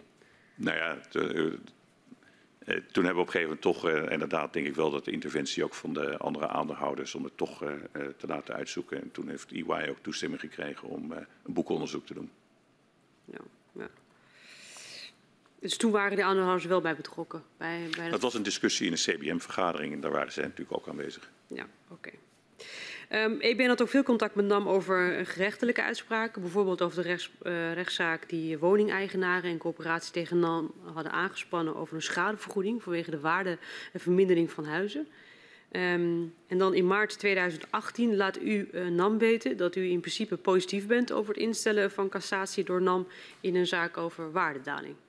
Waarom steunt u het instellen van cassatie door NAM in deze ja, dat, klopt. Dat was naar aanleiding van uh, uh, EBN dient uh, voorzieningen te treffen voor toekomstige uit te betalen kosten. Ehm, dat doen we ook volgens ja, de IFRS-standaard, is een boekhoudstandaard. Um, dat mag je ook alleen doen als je ook helder en duidelijk kan maken dat die kosten gaan komen. Um, nou, voor, voor schadeversterking was dat, was dat goed te onderbouwen richting de accountant, omdat dat zogenaamde harde kosten zijn. Op het gebied van waardedaling, maar ook immateriële schade, uh, was er uh, wel verschil in jurisprudentie van wanneer dat wel of niet uh, verhaal gehaald kon worden. Mm -hmm. Ja, en om die kosten zeg maar, als, als, als voorzieningen, toekomstige voorzieningen te kunnen opnemen, moesten we gewoon meer duidelijkheid hebben van een, van een gerechtelijke uitspraak dan het uitspraak van Hof van Leeuwarden, of Assen en Leeuwarden. En, en daarom hebben we toen een, uh, het voorstel om in cassatie te gaan uh, gesteund. Um, ja, dat is een, een, hoop extra juridisch gedoe, maar dat heeft natuurlijk uiteindelijk ook een hoop gedoe weer voor de Groningers opgeleverd, dat heel vervelend is. Ja, want als u zegt, het, het ging ons om meer duidelijkheid te krijgen over de immateriële schade. Daarvoor, daarom eh, was het belangrijk om in cassatie te gaan. Um, in hoeverre heeft u rekening gehouden met die reactie van Groningers als het gaat om de gevolgen voor het maatschappelijk draagvlak? Ja, nou, dat, dat, natuurlijk hebben we daar een rekening gehouden. Maar wat ook was, is dat uh, we moesten ook zorg dragen dat we die, uh, die middelen konden, uh, beschikbaar konden hebben, zodat er ook, ook betaald kon worden. En op die basis ja, moesten we gewoon toch helaas door het juridische proces heen. En, is dat dan het maatschappelijk, zeg maar het maatschappelijk belang dat u dan, waar, waar, welk maatschappelijk belang dient u dan door in cassatie te gaan? Nou, het belang dat je dient is om zorg te dragen dat er uh, de middelen beschikbaar zijn om ook uh, uit te betalen. Dat, is, dat kunnen we alleen maar voorzieningen vertreffen. ja, de EBN is georganiseerd als een privaatrechtelijke organisatie. Dus we moeten ook ons houden aan de IFRS-standaarden om die voorzieningen op te kunnen bouwen. Dus daar, het ging om uw doelmatige besteding van geld? Correct. Ja. Wat was het standpunt van het ministerie van, uh, van Economische Zaken over de eventuele cassatie? Volgens mij zeiden ze dat ze het aan EBN e lieten. Oké, okay. dus daarin kreeg je niet een, een, een aanwijzing of een directe uh, verzoek van EZ om wel of niet iets te gaan nee, doen? Naar mijn weten heb ik nooit een aanwijzing van het ministerie gehad. Ja. Een andere zaak betreft een zaak ehm, ehm, uh, nou, hier gaat het dan over immateriële schade in 2020. Ook hier gaat u dan, uh, uh, in, ja, wilt u EBN, ja, EBN stimuleert dan NAM om in cassatie te gaan. Um, wat was in dit geval voor u de reden om bij NAM aan te dringen om in cassatie te gaan? De EBN is in principe in deze geen partij. Nou, uiteindelijk, uh, EBN is uh, via de kosten altijd uh, een partij. Wij betalen 40% van, van alle kosten, zeg maar de immateriële, maar ook de materiële kosten. Dus het belang van EBN had, was wederom eigenlijk hetzelfde als die andere discussie. Dat voor ons om ja, doelmatigheid van de kosten de voorziening moeten doen. En ik denk ook dat we daar, zeker met, met, met, met de kennis van nu, te technocratisch in, in waren dat we onvoldoende eh, in, in, brede zin, dat denk ik ook voor alle gasbouwpartners geldt, het onvoldoende rekening hebben gehouden met ja, de, de, de, de gevoelens van de Groningers en de, en de onmacht en de frustraties. Ja. ja. En, dan, en als u zegt uh, technocratisch opgesteld, niet alleen richting uh, de mensen in Groningen, maar ook, uh, ook richting dan? Nou, ik denk, ik denk in ieder geval de periode dat ik bij in het gasgebouw actief was, hebben we onze rol uh, eigenlijk op dezelfde manier uh, ingevuld als, uh, als daarvoor. Dat namelijk ja, focus op, op baten en op, op de kosten, financieel, economisch belang van de staat. Ja, oké. Okay. Er is nog één vraag hierover, want die, die, tot helemaal toe ja, stimuleert u nou om in cassatie te gaan.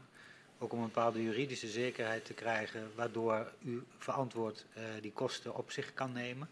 Maar was dat dan nog een druk achter? Want wie controleerde uw boeken uh, en, en, drongen bij u op aan om, om dat op een adequate manier te doen? Eh, PwC is, is onze accountant. En ja, om, om, om, om, om, voorzieningen te treffen moet de accountant ja, voldoende zicht hebben dat die kosten ook echt gaan materialiseren. Want ja, als je een voorziening neemt, betekent dat het van je, je netto winst inhoudt. En dat je dat, die middelen dan ook opzij zet om in de toekomst uit te kunnen betalen. Nou, daar zijn strenge afspraken voor dat bedrijven niet zomaar geld uh, opzij kunnen zetten. Want dat betekent ook dat ze daarover geen belasting betalen. Dat doe je pas later. Ja. En welk publiek belang is daar dan mee gediend? Zoals ik zeg, het, uh, het, het, het, belang zoals EBN dat heeft gedaan, dat hebben we al die jaren gedaan, was eh, ja, voor echt dat financieel-economisch belang voor de staat om doelmatig gaswinning, doelmatig kosten op toe te zien. Ja. En de andere belangen, leveringszekerheid, veiligheid, die verantwoordelijkheid lag bij andere partijen? Nou, de minister had inderdaad andere partijen aangewezen voor, voor die zaken, waarbij leveringszekerheid een belangrijke rol voor GTS is.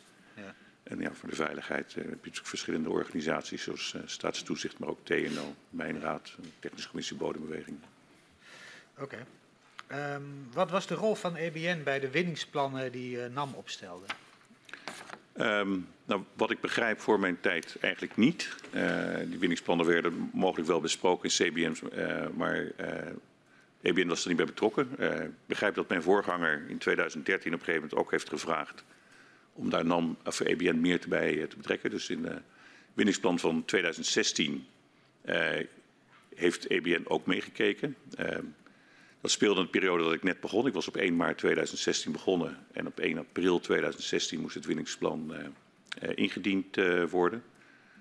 Dus daar, we hebben daar meegekeken. we hebben ook hier en daar wat, wat adviezen gegeven en ook in het ja, college beheermaatschap vergadering van, ik denk was het 30 of 29 of 30 maart, hebben we er ook nog bij stilgestaan. En dat was de eerste keer dat EBN op die manier dit oppakte? Dat begrijp ik, ja. ja. Ja, ja. Want we zien in juni en juli 2016 dat de inhoudelijke experts van EBN het winningsplan 2016 van de NAM analyseren. en ook het advies van het staatstoezicht op de mijnen. En op basis van eigen analyses over de seismiciteit in Groningen constateren uw experts dat SODM uh, ja, in hun ogen eigenlijk te optimistisch is over de mate van uh, beheersbaarheid van het Groningenveld. Um, en uh, dat de NAM eigenlijk nog geen systeem heeft om de kansen op aardbevingen te verminderen. Kunt u zich dat herinneren? Dat... Ik kan die notitie kan ik me niet herinneren. Nee. Ik weet niet of die ook naar mij gestuurd is. Ja. Want mijn vervolgvraag zal zijn, als dat door uw eigen deskundige uh, wordt aangetroffen, wat is er dan met die informatie gebeurd richting NAM en SODM? Als men daar serieuze zorgen over heeft. Nee, deze informatie is, is, mij niet bekend. En het, want ik bedoel, het winningsplan is in, op 1 april ingeleverd, dus dit is daarna geweest. Ja, in juni en juli analyseren zij dat. Dat vinden wij terug in de stukken. Maar dat is niet aan u voorgelegd. Nee. In ieder geval niet dat ik weet. Of... Maar hebben uw technische mensen op werkvloerniveau contact met technische mensen van SODM en, uh, en NAM? Uh, zeker van de NAM. Staatstoezicht weet ik eigenlijk niet of daar veel contact was. Ongetwijfeld wel af en toe. Ja. Maar was dit een eenmalige actie of zijn er meer seismische analyses gemaakt door deskundigen van EBM? dat weet ik niet. Want ik bedoel, uiteindelijk is na 2016 uh, zijn er geen winningsplannen meer ingediend, maar is het, uh, het productieniveau altijd door de minister vastgesteld. Dus dan is het waarschijnlijk dat het niet meer is gebeurd, als ik u zo hoor. Of u weet het gewoon niet? Ik weet het niet. Nee. In mei 2017 dient NAM een zienswijze in op het voornemen van de minister van Economische Zaken om de productie in Groningen met 10% te verlagen. NAM is uh, hier tegen, tegen dat voornemen, vandaar dat ze die zienswijze indienen. Uw asset manager wil deze zienswijze met NAM bespreken. Hij vraagt zich bijvoorbeeld af waarom NAM de sluiting van de Loppersumse clusters niet overweegt. Uh, wat is daar uitgekomen? Dat Ook deze vraag kan ik niet beantwoorden, dat weet ik niet. Was u dan helemaal niet betrokken bij dit type discussies over uh, de risico's uh, van de winning in Groningen? Nee, de, de, de technische discussies die uh, speelden voornamelijk tussen de, de, technische mensen. Um, ja. Dit heb ik in ieder geval niet in de voorbereiding gezien voor de maatschapsdiscussies. Nee, in onze adviesnotities is dat niet voor, naar voren gekomen. Maar ik vind het toch een beetje gek, want u, u, zit in de maatschap. Um, uw eigen mensen uh, hebben vragen bij uh, activiteiten van de NAM, plannen die ze indienen. Of vragen zich af waarom de NAM niet overweegt om zelf te pleiten voor sluiting van het Loppersumse cluster op basis van hun analyses van seismiciteit. En dat komt niet bij u terecht. Nee, dat... Uh, Hoe kan dat nou? Dat is een goede vraag.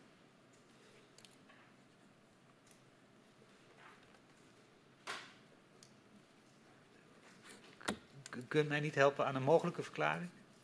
Nee, nee ik, kan, ik, ik, ga het zeker inderdaad na vandaag verder uitzoeken waarom dat uh, niet is gebeurd. Want normaliter, uh, ja, ik, ik, herken de manier waarop wij omgingen met Groningen als zeer zorgvuldig. Uh, alles werd goed doorgewerkt, goed voorbereid in adviesnotities.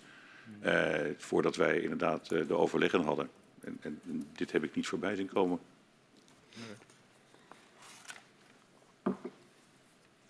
Um, ik stel voor dat we even gaan schorsen. Uh, ik verzoek de griffier om u en uw uh, steunverleden even naar buiten te geleiden.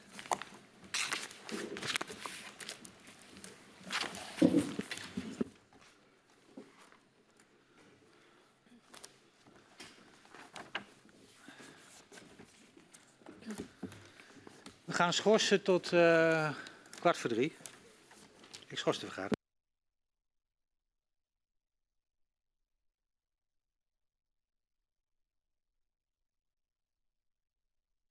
Ik heropen de vergadering van de parlementaire enquêtecommissie Aardgaswinning Groningen en ik verzoek de griffier om de heer Van Hoogstraat en zijn steunverlener naar binnen te geleiden.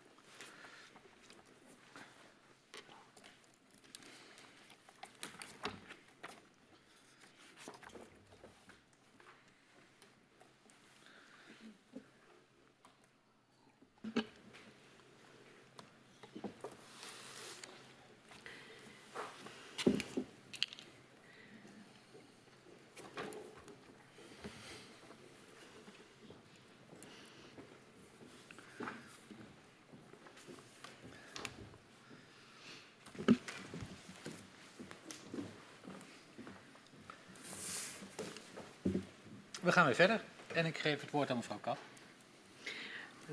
Gasterra uh, kent een uh, bonusbeleid, waarbij uh, afhankelijk van de gestelde targets aan het einde van het jaar een bonus wordt toegekend aan de top van het bedrijf. En als lid van het college van gedelegeerd commissarissen stemt hij ook in met de targets. Tot 2017 was de eerste van die targets gekoppeld aan het zo dicht mogelijk benaderen of behalen van het gestelde productieplafond voor het Groningen veld. Wat vond u ervan dat dit een target was? Ja, dat, uh, dat vond ik geen, goed, uh, geen goede target. Want ik bedoel, we waren erop gericht om het uh, gasproductie te verminderen in Groningen. Um, toen we dat gesprek daarover hadden, toen had de dag daarvoor had de regeringsvertegenwoordiger ook nog een mail naar de andere leden in het CVG gestuurd. Hij heeft mij toen ook gevraagd bij de telefonische vergadering die we erover hadden om ook het standpunt toe te lichten. Omdat namelijk hij zelf afwezig was. Dat heb ik ook gedaan. En ook aangegeven dat ik dat we dat niet verstandig vonden. Trouwens, de heer Dierik had het jaar daarvoor namelijk ook al diezelfde opmerking gemaakt. Maar daar is toen op de een manier toch door Gasterra niet, niets mee gedaan. Dus we hebben toen wel duidelijk gemaakt dat het toch echt niet zo verder kon. En uiteindelijk hebben we toen drie dagen later tijdens de reguliere CVG-vergadering ook dat aangepast. Maar ook terugkijkend aangepast dat het niet zou meetellen voor de vaststelling van de variabele beloning van de CEO en de organisatie. Ja, ik um, ga even het proces uh, tot dan toe zeg maar eigenlijk even stap voor stap door. Um, zodat we inderdaad toekomen van hoe ging dat eigenlijk, uh, hoe verliep die discussie en uiteindelijk dat besluit. Um, in eerdere verhoren is meermaals benoemd dat het ministerie van Economische Zaken dit specifieke target wilde, wilde schrappen. U gaf het zelf al aan. De heer Dieriks deed het een jaar ervoor. Um, in het verhoor van gisteren met de heer Gaastra uh, spraken we hier ook over. Um, in februari 2017 dan speelt dit vraagstuk opnieuw uh, naar aanleiding van kamervragen van het lid uh, van Tongeren. En iets meer dan een week later vindt dan die, die extra telefonische vergadering plaats over de targets van Gasterra. En de heer Gasterra, zoals u net verklaarde, kon zelf niet bij deze vergadering aanwezig zijn. En hij machtigde u. Um, welke instructie kreeg u specifiek van hem mee um, voor, dat, voor die vergadering? Nou, dat was eigenlijk de, gelijk aan de, de, e-mail die hij zelf uh, de dag daarvoor al had gestuurd aan, uh, aan de andere leden van het uh, CVG. Het was aan mij om zorg te dragen dat dit ook zeg maar in de notulen opgenomen werd en dat dat ook ter besluitvorming werd voorgedragen. We hebben er toen ook een, een, besluit over genomen dat het niet mee zou tellen. En we hebben ook afgesproken dat we de andere onderdelen van, ja, van de de matrix die zeg maar, tot de bonusberekening zou komen, om die dan tijdens het reguliere CVG vast te stellen. Ja, maar wat was de onderbouwing van die instructie? Wat, waren de redenen om dat uh, niet meer te willen? Nou, omdat het denk ik uh, niet gepast is in tijden dat je de gaswinning wil terugdringen. Dat je dan mensen een, zeg maar een incentive gaat geven om toch zoveel mogelijk gas te winnen. Ja, en hoe verliep die discussie in, tijdens dat, dat telefonische gesprek? Die, die, die, die was denk ik best stevig. Uh, Gaster had op dat moment geen CEO. Er was een CEO ad interim die daar vrij stevig in stond. Verder denk ik ook de, de olie, Shell en Esso, daar moeite mee hadden. Zeker omdat het namelijk ook een, een aanpassing was die met terugwerkende kracht. Maar uiteindelijk gezien de situatie dat het gewoon echt niet te, ja, te verkopen is dat je iemand gaat, een incentive gaat geven om zoveel mogelijk gas te winnen. Dat hebben ook, heeft iedereen ermee ingestemd om het niet te doen. Ja. Was er een verschil tussen Shell en Esso? Nou, ik denk, in wat ik kan herinneren, dat de, uh, de heer De Jong uh, in in eerste instantie ook aangaf dat hij uh, ja, dat er wel in kon vinden, die aanpassing. Ja. Waren ze dan snel overtuigd van uw inbreng? Nou, um, ik denk, eh, de heer Gaastra had natuurlijk de dag daarvoor al een, uh, al een e-mail gestuurd met een duidelijke reden waarom hij dit vindt dat het onverstandig is. Dus ja, uiteindelijk, ik geloof dat we drie kwartier of zo aan de telefoon hebben gezeten. Ja, ja dus, het, dus um, en wat, wat was dan argumenten van, van Shell en, en Esso om daar in eerste instantie nog drie kwartier aan, aan te wijden? Ik denk de voornaamste reden was door het feit dat het ook eh, zeg maar, met terugwerkende kracht uh, niet meegenomen werd. En dat ze dat uh, onzorgvuldig vonden. Mm -hmm. Ja. Um, het ging voornamelijk dan om de terugwerkende kracht voor de medewerkers, om dat dan, dan niet meer te laten toepassen, die bonusbepaling. Ja. ja. Uh, we zien ook dat er wordt afgesproken dat het uh, college uh, van, um, in het CVG regie wil houden over wat de minister, minister hierover meedeelt aan de Tweede Kamer. Um, en hij wil ook inzage krijgt in de antwoorden voordat deze verstuurd wordt. Hoe gebruikelijk was deze gang van zaken?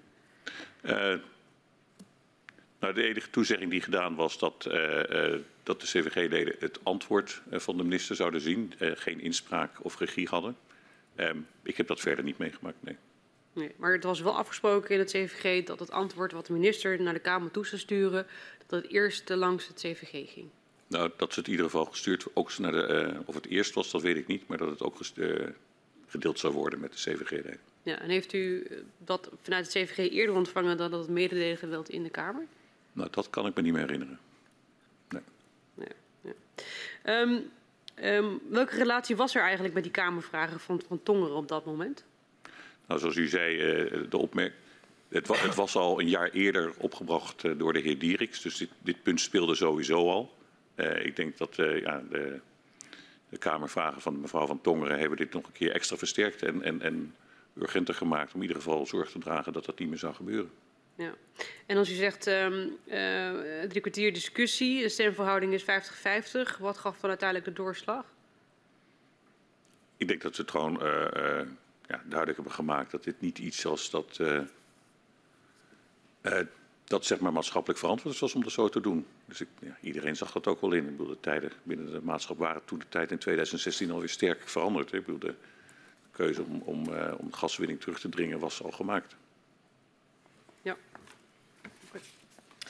We willen het met u ook graag hebben over de 403-verklaring voor NAM, die Shell in het verleden had afgegeven. Deze verklaring houdt in dat Shell garant staat voor schulden van NAM uit rechtshandelingen. Uw organisatie krijgt begin 2017 lucht van het voornemen van Shell om deze verklaring in te trekken. Hoe kwam u daarachter? Ja, dat was, ik denk dat onze treasurer daar in, in, een overleg met Shell achter is gekomen. Dat dat in zijdelings benoemd is. Hij heeft dat in ieder geval bij ons onder de aandacht gebracht via een notitie. Ehm, ik vond het zorgelijk. Ehm, dus daarom heb ik het ook, uh, uh, hebben we dat vervolgens verder binnen EBN besproken. We hebben ook uh, juridisch advies gevraagd van wat, wat, de situatie daarin is. Ja, toen hebben we besloten om dat op te brengen tijdens het daaropvolgende collegebeheermaatschap. En welke risico's zag u of welke zorgen had u specifiek? Nou, de 403-verklaring is een, echt maar een garantstelling van een moederbedrijf voor haar dochterbedrijf. Ehm, het intrekken van die 403-verklaring was niet zozeer uh, met terugwerkende kracht, want je blijft aansprakelijk voor de activiteiten die in het verleden zijn gebeurd. Daarnaast staat in de OVS Groningen ook nog uh, een clausule dat uh, ja, Shell en Esso zich verbinden om, om de, ja, de, financiële stabiliteit van dan in stand te houden. Maar voor toekomstige situaties, zeg maar, dingen die later ontstaan en tot kosten kunnen leiden, zou dat betekenen dat intrekken van de 403-verklaring, dat je dan en niet meer volledig aansprakelijk voor die activiteiten van die dochter bent. En dat kwam ook uit het juridische advies? Dat, dat kwam uit dat juridisch advies, ja. Was dat een extern advies? Dat was een extern, we hebben dat voor de zekerheid ook extern laten ja, testen, ja. ja. U kwam er dus eigenlijk bij toeval achter dat het voornemen van Shell uh, uh, er lag om die 403-verklaring uh, in te trekken. En u agendeert dit ook in het college van beheer maatschap. Zou dit onderwerp ook in de maatschap behandeld zijn wanneer u dit niet ontdekt had? Uh, dat denk ik niet. En wat vond u van uh, ja, de verklaring die Shell gaf toen u dit agendeerde? Ja, de verklaring van Shell was dat ze uh, moesten intrekken vanwege de transparantiebenchregels, Europese transparantieregels, dat de NAM een eigen jaarverslag zou moeten maken. Dat dat in strijd zou zijn met een, een 403-verklaring van de moedermaatschappij. Nou, volgens onze juristen was dat niet zo en kon je wel degelijk een ja, een eigenstandig jaarverslag maken en nog steeds een garantie afgeven met, zeg maar van het moederbedrijf naar het dochterbedrijf. Dus ja, wij vonden dat een belangrijk punt om, om te bespreken in, in het CBM en daar ook een actiepunt van te maken. Ja, en in formele zin kon Shell deze verklaring intrekken zonder daar de maatschap in gekend te hebben? Ehm, dat denk ik wel. Ja. Heeft de maatschap ermee ingestemd dat uh, Shell doorging op dit pad? Nee, dat is geen, niet ter stemming uh, uh, geweest. Nee. Ik denk wel, het, door, door, dit aan te kaarten is uiteindelijk ook... In de Kamer is er een hoorzitting geweest, waarbij ja. ook Shell en Esso uiteindelijk ook toe, toezeg, toegezegd hebben dat ze aansprakelijk blijven voor de activiteiten van NAM ook in de toekomst. Maar dat was pas in de tijd veel later? Dat was een tijd later. Na, nadat uh, ja, de registratie van het intrekken van die verklaring bij de Kamer van Koophandel uh, door ja. iemand was uh, gezien, waardoor het in de media kwam en, en toen ja. ophef ontstond. heeft u in de maatschap geprobeerd ja, de meerderheid mee te krijgen om Shell te bewegen dit niet te doen? Nou, ik, in ieder geval voor een van de rollen dat echt wel voor EBN is om ook dit soort zaken te agenderen. Um, zoals ik zeg, het was, uh, het, het was geen maatschapsbeslissing. Het is, Shell kan dit, kan dit zelf doen. Maar we hebben natuurlijk wel ja, duidelijk aangegeven dat dit voor ons een echt ongewenste situatie was. En daar was de regeringsvertegenwoordiger ook mee eens. En ehm, hoe reageerde Exxon op dit voornemen? Um, Exxon had daar denk ik niet specifiek een uh, mening over. Exxon had namelijk geen 403-verklaring richting de NAM. Uh, dus ja, die hadden daar niks ja. aparts mee. Nee. Ja. Uiteindelijk wordt hij dus uh, ingetrokken. Ja. Um, en Shell heeft een verklaring gegeven, u, u, u noemde hem al, hè, naar Europese richtlijnen en regels rond jaarrekeningen. Waar ook een andere route mogelijk was, zoals u al schetste heeft Shell nou wel of niet uw bezorgdheid weggenomen?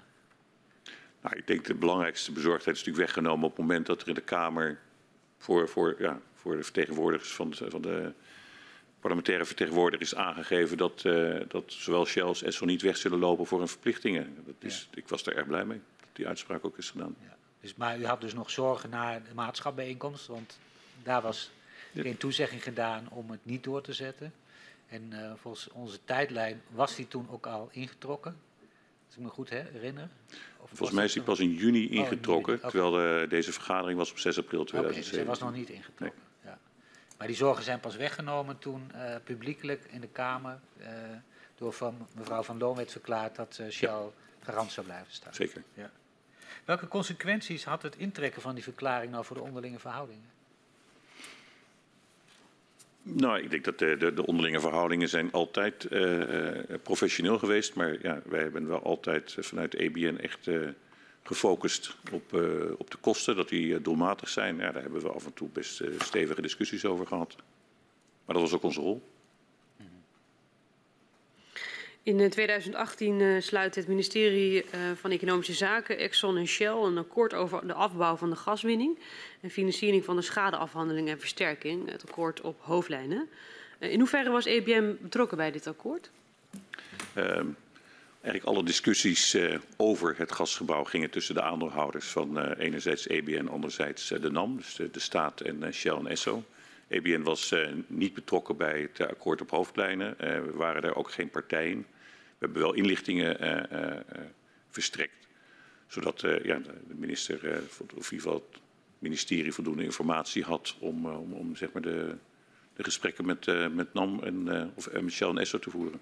Ja, en u zegt inlichtingen verstrekt. Heeft u ook suggesties en wijzigingen voorgesteld? Wij, hebben de, de teksten uh, uh, niet, uh, niet, gezien pas toen het klaar was, maar hebben wel op basis van de, zeg maar de, de, teams die daarmee bezig waren, zowel de interne teams als de externe teams zoals KPMG en de landsadvocaat, ja, op het gebied van financieel-economische analyses hebben we daar bijdrages aan geleverd. Ja. Um, informatie verschaft, bijdrage geleverd. in hoeverre heeft EBN dan pogingen gedaan om meer betrokken te raken bij die onderhandelingen? Ik heb zelf in, uh, in, in, in, toen ik net bij uh, EBN werkte, uh, half maart 2016 tijdens strategisch overleg heb ik aangeboden om, om zeg maar, daar mee te praten. Maar het was duidelijk dat ja, de staat zei, ja, dit, dit, is een beleidsverantwoordelijkheid, dit ligt bij het ministerie en daar was geen behoefte aan. Nee, er was vanuit het ministerie geen behoefte aan dat u deelnam aan nee. die onderhandelingen? Maar waarschijnlijk bij Shell ook niet. Oké. Okay. Hoe was u betrokken over, uh, bij de afspraak over de garantie die is opgenomen door Shell en Exxon over de betalingen voor schade en versterking? Uh, daar waren we niet bij betrokken. Nee. Um, is het logisch dat u er dan niet bij betrokken raakt? Ja, zoals ik zei, de, de discussies over het gasgebouw gingen tussen de aandeelhouders van, uh, van NAM en van de EBN. Dus dat, die, ja, de NAM was er ook niet bij betrokken. Het was echt Shell en Esso en de staat die uh, deze uh, gesprekken voerden. Ja. Is het dan logisch dat er dan geen garantie voor EBN is opgenomen? Dat vond ik opvallend inderdaad. Uh, heb ik ook op een gegeven moment wel na het lezen van het akkoord op hoofdlijnen aangegeven. Er staan wel afspraken over uh, garantiestelling van, uh, van Shell en Esso, maar niet van EBN. En dat is later in een Kamerbrief, heeft de minister zich ook nog aangegeven dat hij de zorg zal dragen. dat EBN ten alle tijden aan zijn verplichtingen kan voldoen. Want EBN ja, moet 40% van alle kosten dragen die voortvloeien uit, uit de kosten van de maatschap. Ja, het is achteraf ingefietst. Dat is later gedaan. En we hebben dat op een gegeven moment ook, zeker in 20, uh, september 2020, hebben we dat nog een keer aangekaart. Uh, in 2020 waren de gasprijzen heel erg laag. Het eigen vermogen van de EBN is ook altijd erg laag geweest. We hadden een solvabiliteit van slechts 4%. En ja, wij maakten ons zorgen of we wel in de toekomst aan onze verplichtingen konden voldoen. Toen heeft de minister uiteindelijk ook in de voorjaarsnota opgenomen dat er 1,9 miljard euro um, beschikbaar gemaakt zou worden als het nodig was om uh, EBN financieel te ondersteunen om aan haar verplichtingen te kunnen voldoen. Ja. En als u nou wel aan tafel had gezeten, had u dat dan voorgedragen? Nou ja, ik, ik zat er niet aan tafel, dus dat zou dan speculeren zijn. Daarbij, uh, uh, dat was ook niet de rol van EBN. Wanneer hoorde u dat EBN moest betalen voor het opkopen van zogenaamd kussengas uit Alkmaar, een van de onderdelen uit het akkoord? Ja, dat uh, hoorden we uh, nadat het akkoord op hoofdlijnen was getekend. Ja, betekende dat u eigenlijk gewoon dan ja, geconfronteerd werd met dat besluit? Nou, dus, ja, EBN is een beleidsdeelnemer. We voeren het energiebeleid uh, van uh, de minister uit. Dus als ja, dit is, ik zie dit ook echt als een, uh, een uitvoering van het energiebeleid. Het is een, een, een, financiële afspraak tussen de aandeelhouders van EBN en, en, en de NAM. En die loopt dan via EBN. Uiteindelijk, alle inkomsten die EBN krijgt, die, die komen ook ten goede aan, aan de samenleving. EBN keert uh, alle dividenden uit. En, en, ja, op die manier wordt dat dan geregeld. Ja. En u, hoe, hoe is het dan logisch dat u dat, dat u dat moet betalen zonder dat u dat weet van tevoren? Nou, ja, het heeft geen logica mee te maken. Er zijn gewoon afspraken gemaakt, privaatrechtelijke afspraken gemaakt tussen Shell, S en de staat. En op deze manier moet dat uitgevoerd worden. Ja. Um, de opvolgende overeenkomsten zoals het interimakkoord en NORG, hoe was EBN daar betrokken? Uh, niet. Heeft u toen ook aangedrongen om mee te onderhandelen? Uh, nee. Uh, het was duidelijk dat uh, ja, de, de, de, discussies uh, over het gasgebouw gingen tussen de staat en Shell en Esso. En daar waren de NAM en EBN niet bij betrokken. In april, uh, juli 2017 uh, signaleerde u en uw collega tijdens een vergadering van het College van Beheer Maatschap dat EBN te laat op de hoogte is van belangrijke ontwikkelingen, zoals het op afstand plaatsen van NAM, maar ook een NAM-rapport over de aardbevingen Slochteren en het beroep van NAM tegen de verlaging van, uh, van de gaswinning. Uh, hoe kan het dat EBN door NAM laat werd geïnformeerd, terwijl EBN samen met NAM de maatschap Groningen voert en daarin 50% van de stemmen heeft? Ja, nou, daar heb ik ook wel stevige gesprekken over gehad. En ik heb ook richting NAM-directeur aangegeven dat ik verwacht dat wij dezelfde informatie kregen die hij ook deelde met de andere aandeelhouder van de NAM Esso. En daar was ook de directeur van Esso het met me eens. Dus. Maar wat... dat ging niet altijd vanzelf. Nee, wat was de reactie van de NAM-directeur toen u dat aangaf? Um, nou, dat, meestal was het zo dat, dat, uh, dat hij zei van ja, dat zijn operationele handelingen en onder de OVS hoeven we daar uh, geen informatie over te verschaffen. Maar ja, alle zaken die uh, financiële impact hebben, is hij wel degelijk verplicht om te verschaffen aan, aan EBN. Ja. Wat waren uiteindelijk de gevolgen van die late informatievoorziening voor, voor EBN? Nou, dan wordt het dus lastiger om, om keuzes te maken. Dus dat betekent dat je uiteindelijk de besluitvorming vertraagd raakt. Ja. Wat hebben Exxon en, en, en, Shell met uw zorgen en suggesties gedaan? Nou, dat was, het was een discussie tussen mij en de NAM, niet met Shell en Esso. Nee. nee. En, en, en, als u zegt discussie met NAM, begreep de, de, begreep de directeur dat? zeker. Ja, maar toch moest u tekenen voordat u het eigenlijk wist? Ja, nou, dat heb ik al vaker moeten doen. Oké. Okay. We willen graag nog even ingaan op uh, de kostenverdeling in de maatschap Groningen. EBN is voor 40% aandeelhouder in de maatschap, zoals u al een paar keer heeft benadrukt, en NAM voor 60. Uh, wat betekent dit voor de kosten die NAM maakt? Uh, ja, als EBN heeft recht op alle 40% van de baten, maar moet ook 40% van de kosten betalen. Ehm, dus daarom is het van belang om dat goed in de gaten te houden. En in welke mate draagt naast EBN de staat nog bij aan kosten? Um, nou, kosten zijn aftrekbaar voor bijvoorbeeld de, zeg maar de, de, de MOR en de VPB. Dus uiteindelijk indirect worden kosten ook weer te lastig. De MOR is de meeropbrengstenregeling? De, ja, sorry, de meeropbrengstenregeling ja. voor... Uh, maar bijvoorbeeld die kosten worden, dan komen uiteindelijk natuurlijk ook ten laste van de staat indirect. In ieder geval, die worden dan als minder, uh, dat betekent dat je minder baten krijgt. Ja. En in relatie tot de vennootschapsbelasting? Uh, ja, een lagere winst betekent ook een lagere vennootschapsbelastingbetaling. Maar dat, daar, dat ging via de Belastingdienst. de meeropbrengstregeling ging ook via de Belastingdienst. EBN uh, heeft alleen zeg maar wat via de EBN boeken ging, ging, over, ging zeg maar over het 40% eh, aandeel. En als onderdeel van het akkoord op hoofdlijnen komt per 1 januari 2018 uh, de meeropbrengstovereenkomst te vervallen. Er worden er nieuwe afspraken gemaakt over de financiële afdrachten. En de consequentie hiervan is dat de staat van, via EBN, ofwel rechtstreeks, en rekening houden met afdracht van winstbelasting, ongeveer drie kwart, dus 73 procent om precies te zijn, van alle kosten van de NAM voor haar rekening neemt.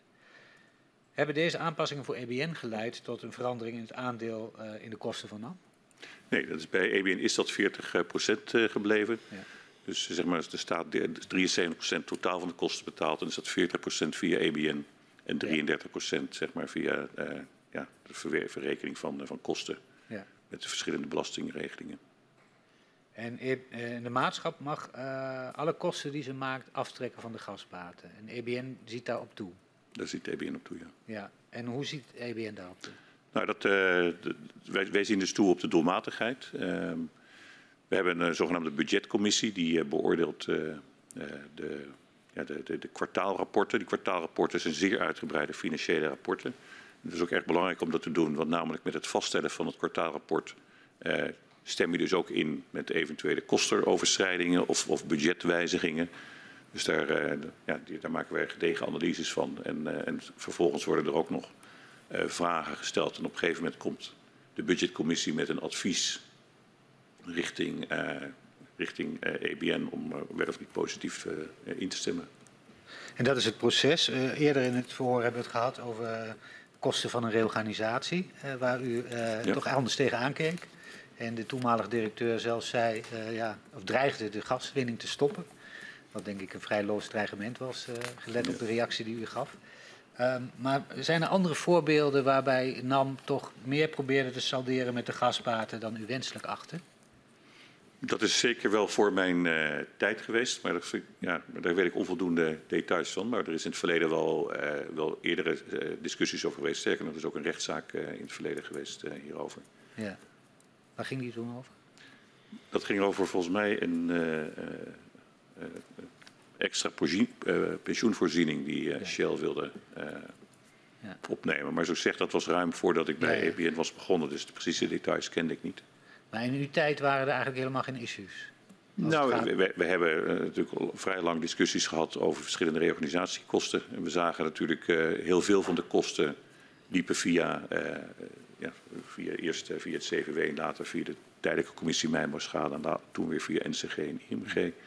Dus dat waren, waren kosten waar ook de NAM geen, geen invloed op had. Dus die werden gewoon voor 40% doorbelast. Mm -hmm. En wat gebeurt er dan in de situatie dat uh, de gasbaten op jaarbasis lager zijn dan de jaarlijkse kosten voor schade en versterken? en dan zullen bedrijven uit hun eigen vermogen aanvulling moeten doen. En in hoeverre kan EBN dat?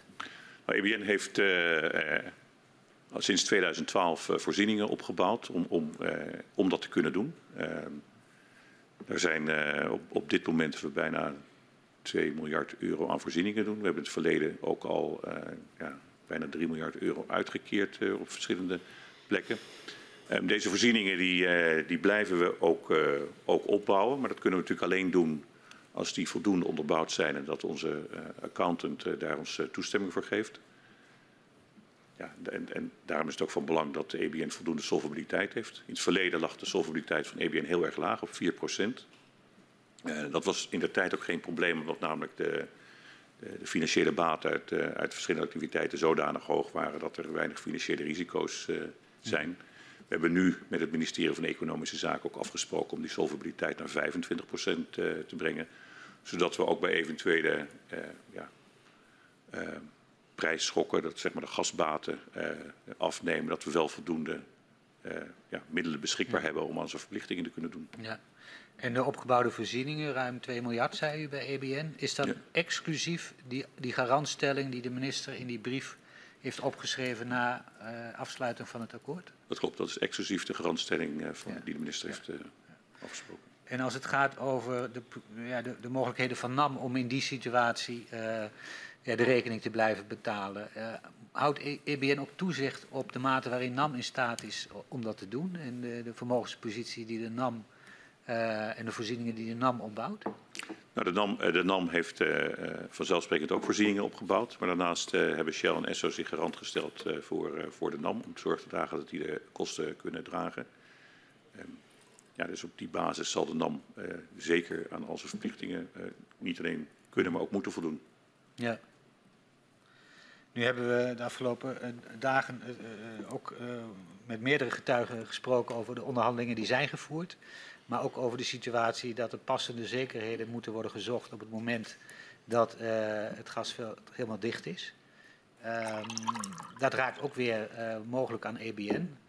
Uh, bent u wel, of raakt, wordt u betrokken bij hoe het nu in de laatste fase ook financieel afgewikkeld moet worden? Nee, we zijn niet betrokken bij de definitieve financiële afwikkeling. Dat gebeurt echt uh, tussen de aandeelhouders van NAM en, uh, en EBN. Ja. Uh, maar tegelijkertijd zorgen wij wel dat wij voldoende middelen beschikbaar houden, ook in de fase na het sluiten van het Groningenveld.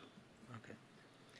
En zoals u ongetwijfeld bekend is, is er ook oneenigheid tussen NAM en het ministerie over de betaling van de facturen met betrekking tot schade en versterken. en van al die facturen die eigenlijk naar NAM gaan, moet u 40% eh, betalen? Heeft u altijd alle facturen betaald? Ja, het, uh, de accountingprocedure is heel stellig van uh, pay now, dispute later. Dus we hebben onze, de facturen die we van de NAM krijgen, hebben we altijd betaald. Ja. Uh, wij mogen ook alleen, facturen, of alleen betalen als we een factuur krijgen. Dus als ja. de NAM geen factuur stuurt, kunnen we ook niet betalen. En NAM stuurt de facturen niet door waar ze uh, een discussie over heeft met de staat. Ja, de eerste hebben ze wel uh, doorgestuurd. Dat was een foutje van de NAM. Dus die ja. hebben we ook keurig netjes uh, betaald. Ja. maar daarna hebben ze maar 60% van, van de factuur doorgestuurd. En konden ja. wij ook maar ons 40% aandeel daarvan betalen. Heeft u die facturen ook wel eens gezien? die facturen, dat gaat allemaal digitaal. Dat, ik, ik hoef ze niet, ik word ook binnen een andere afdeling goedgekeurd. Nee, en u stelt verder ook geen eisen uh, daaraan? Nou, dat staat in de accountingprocedure precies omschreven waar, waar die facturen aan moeten voldoen. Ja. Um, ik zeg, ja, wij, zitten, wij staan onder scherp toezicht van, uh, van onze accountant. En we kunnen ook alleen maar ja. facturen betalen als ze ook daadwerkelijk ja. ontvangen, ontvangen, zijn. Maar uw, uw accountant heeft nog niet geklaagd over de kwaliteit van de, de factuur die u heeft doorgestuurd gekregen van de NAM? Nee. Nee, oké. Okay. Um, ja, dat is helder, eigenlijk. Ja, gaan we verder. Um, in het akkoord op hoofdlijnen zijn afspraken gemaakt over de garantstelling uh, van Shell en Exxon voor NAM. Uh, maar alle toekomstige kosten voor schade en versterken komen dus voor 40% bij EBN terecht. Um, gaat om een grote kostenpost uh, die mogelijk ook in de toekomst verder kan, kan, kan groeien. Um, brengt deze situatie de, de vermogenspositie van EBN in gevaar? Maar dat was wel in, in, in, september 2020 maakten we ons daar zorgen over. EBN had uh, dat jaar namelijk voor het eerst in haar bestaan een verlies geleden. De extreme lage gasprijzen en de hoge kosten hebben, toen, hebben tot een verlies geleden. ook onze ja, solvabiliteit onze, was, was, onvoldoende. Dat hebben we ook met onze aandeelhouder besproken. En die heeft vervolgens met het ministerie van Financiën afgestemd dat er A, een brief naar de Kamer ging dat EBN eh, ondersteund zou worden om aan toekomstige verplichtingen te kunnen voldoen. En B, om eh, middelen eh, beschikbaar te stellen in de voorjaarsnota. Um, ja, gezien de veranderde gasmarkten, met name het afgelopen jaar, waar zeer, zeer tot extreem hoge gasprijzen zijn gedaan, hebben we nu extra voorziening kunnen opbouwen. En dan zullen we ook niet gebruik hoeven te maken van de middelen die het ministerie beschikbaar wilde stellen. En tegelijkertijd hebben we nu ook onze solvabiliteit naar 25% kunnen brengen, zodat we voldoende ja, weerbaarheid hebben om, om ook aan alle verplichtingen te kunnen voldoen. Ja. Uh, destijds bij het maken van die afspraken, hoe schatte het Rijk uh, de gevolgen van de kosten in voor de financiële positie van EBM? Want toen waren de gasprijzen toch niet zo hoog als nu. Nee, en uh, ik denk dat wat we natuurlijk ook gezien hebben is dat met, met voorstrijdend inzicht dat, er, dat de, ja, de, de, schattingen voor versterken en schade zijn natuurlijk significant gestegen. Dat betekent ook dat wij onze voorzieningen eh, significant hebben moeten bijstellen. Ja, dat, dat, was op een gegeven moment een reden voor, voor zorg of er wel voldoende middelen beschikbaar waren. Maar dat is nu, nu, nu op orde. Ja, en, en als u zegt op orde, om aan die verplichtingen te voldoen, dan heeft u het dus over een extra voorziening en die solvabiliteit naar 25 procent. Correct. Okay. In 2021 zijn afspraken gemaakt met het ministerie van Financiën over het aanvullen van het vermogen van EBM met een bedrag van maximaal 1,7 miljard euro. Um, waarom was deze aanvulling toen nodig? Ja, dat, dat, ging over dit. Uh, dat, dat was naar aanleiding van ja. de, het verzoek in uh, september 2020, maar het is in de voorjaarsnota 2021 uh, zo benoemd. Ja, oké. Okay. Dus nu is het eigenlijk op orde? Het is nu op orde, ja. ja misschien, en... misschien in 2028. Er staat nog een klein beetje afgelopen budget heeft de minister nog een klein beetje voor 2028 gereserveerd, omdat dan mogelijk uh, een klein tekort zou kunnen, kunnen ontstaan. Oké, okay. ja. Heeft het um, deze, die, die, ja, die aanpassingen, die aanvullingen nog um, gevolgen voor andere, ja, consequenties voor andere uh, activiteiten van EBN? Nou, de, deze deze uh, middelen worden uh, gerealiseerd door kleine velden gasproductie. Dus dat komt niet meer uit Groningen, maar dat komt uit, uit kleine velden. Um, dat kan, dat kan mogelijk zijn dat we op een gegeven moment extra vreemd vermogen moeten aantrekken als we verder investeringen erin willen doen. Sowieso zijn de, de gasbaten zijn ook uh, apart gehouden. Dus zeg maar de, de, nieuwe activiteiten die we ontplooien op het gebied van geothermie en, en CO2-opslag, die gaan niet uit de gasbaten. Daar is uh, andere financiering voor georganiseerd samen met het ministerie. Ja. Um, kunnen we daarmee concluderen dat, uh, dat de staat opdraait voor een groot deel van de uiteindelijke betaling van die facturen die de staat zelf aan NAM stuurt? Um, uiteindelijk, uh, ja, EBN betaalt al, al, al uh, na bijna 60 jaar uh, 40% van de en voor rechtsvoorgangers 40% van de kosten, maar heeft natuurlijk ook 40% van de baten gehad. Volgens onze berekeningen heeft EBN bijna 142 miljard euro aan gasbaten opgeleverd de afgelopen 60 jaar. Ja, maar de antwoord daarop is eigenlijk ja. Als u de conclusie van de staat draait daarvoor op. Als het gaat ja, om het betalen de, de, van de, de staat heeft ook alle, een groot gedeelte van de baten gekregen en betaalt nu ook een, uh, ja, een gedeelte van, de, van die kosten. Ja, oké, okay. duidelijk. We gaan naar de actualiteit. Inmiddels wordt de gaswinning uit het Groningenveld steeds verder beperkt en is de planning om het Groningenveld op korte termijn helemaal te sluiten. Wat betekent sluiting van het grote Groningenveld voor de portefeuille van EBN? Uh, Groningen is natuurlijk altijd een hele belangrijke uh, uh, samenwerkingsverband geweest. maar in de tussentijd ja, werken, wij op bijna 200 andere joint ventures op het gebied van kleine velden. de CO2-opslagen waar we nu mee bezig zijn, zijn grote investeringsprojecten die we doorlopen. Dus ja, dat, het sluiten van Groningen heeft daar geen significante impact op. Nee. Um, we zien ook recent het besluit van uh, het kabinet om uh, uh, ja, het Groningenveld op de waakvlam te zetten. Tegelijkertijd is er ook een, een publieke discussie ontstaan, ook door de actuele ontwikkelingen, de hoge prijzen, maar ook mede natuurlijk ingegeven door de oorlog die Rusland in Oekraïne is begonnen. Ehm, hoe stelt EBN zich op in die discussie over al dan niet toch weer gaswinningen uit Groningen? Ja, EBN stelt zich daar niet in op. Dat is ook niet aan ons. Uh, eerder zei EBN is een beleidsdeelneming, dus de, ja, wij volgen het energiebeleid eh, van de minister. Het is aan de minister om daar een afweging over te maken. Ja. Uh, dus wij, gaan daar, uh, wij zijn er niet bij betrokken. We gaan er ook niet over. Vindt u dat uh, wel een terechte afweging is gemaakt? Of heeft, heeft u daar ook geen mening over? Ja, nou, zoals ik zeg, daar, wij, gaan er niet over. Ik denk waar, wat, wat wel, uh, waar we wel over gaan, waar we ook zijn gevraagd om, uh, om te helpen met de voorzieningszekerheid van, van gas in Nederland. Dus wij, uh, wij vullen nu bijvoorbeeld gasopslag Bergenmeer om zorg te dragen dat er voldoende gas is de komende winter. Dat is dan zeg maar ja, een aanvullende publieke rol. Maar dat is ook naar aanleiding van het sluiten van Groningen. Dat is zeg maar die balansfunctie die Groningen heel lang voor Nederland heeft gehad ja, die is weggevallen. Dus je moet dan wel op andere manieren dat gaan organiseren. En dat is ook een uitvoering van energiebeleid van, uh, van het ministerie. En er zijn er nog andere stappen, uh, zoals degene die u net noemde, om bij te dragen aan uh, de actuele problematiek die EBN onderneemt? Nou, dat, dat, dat zijn vaak ja, ook wel weer financieel-economische stappen.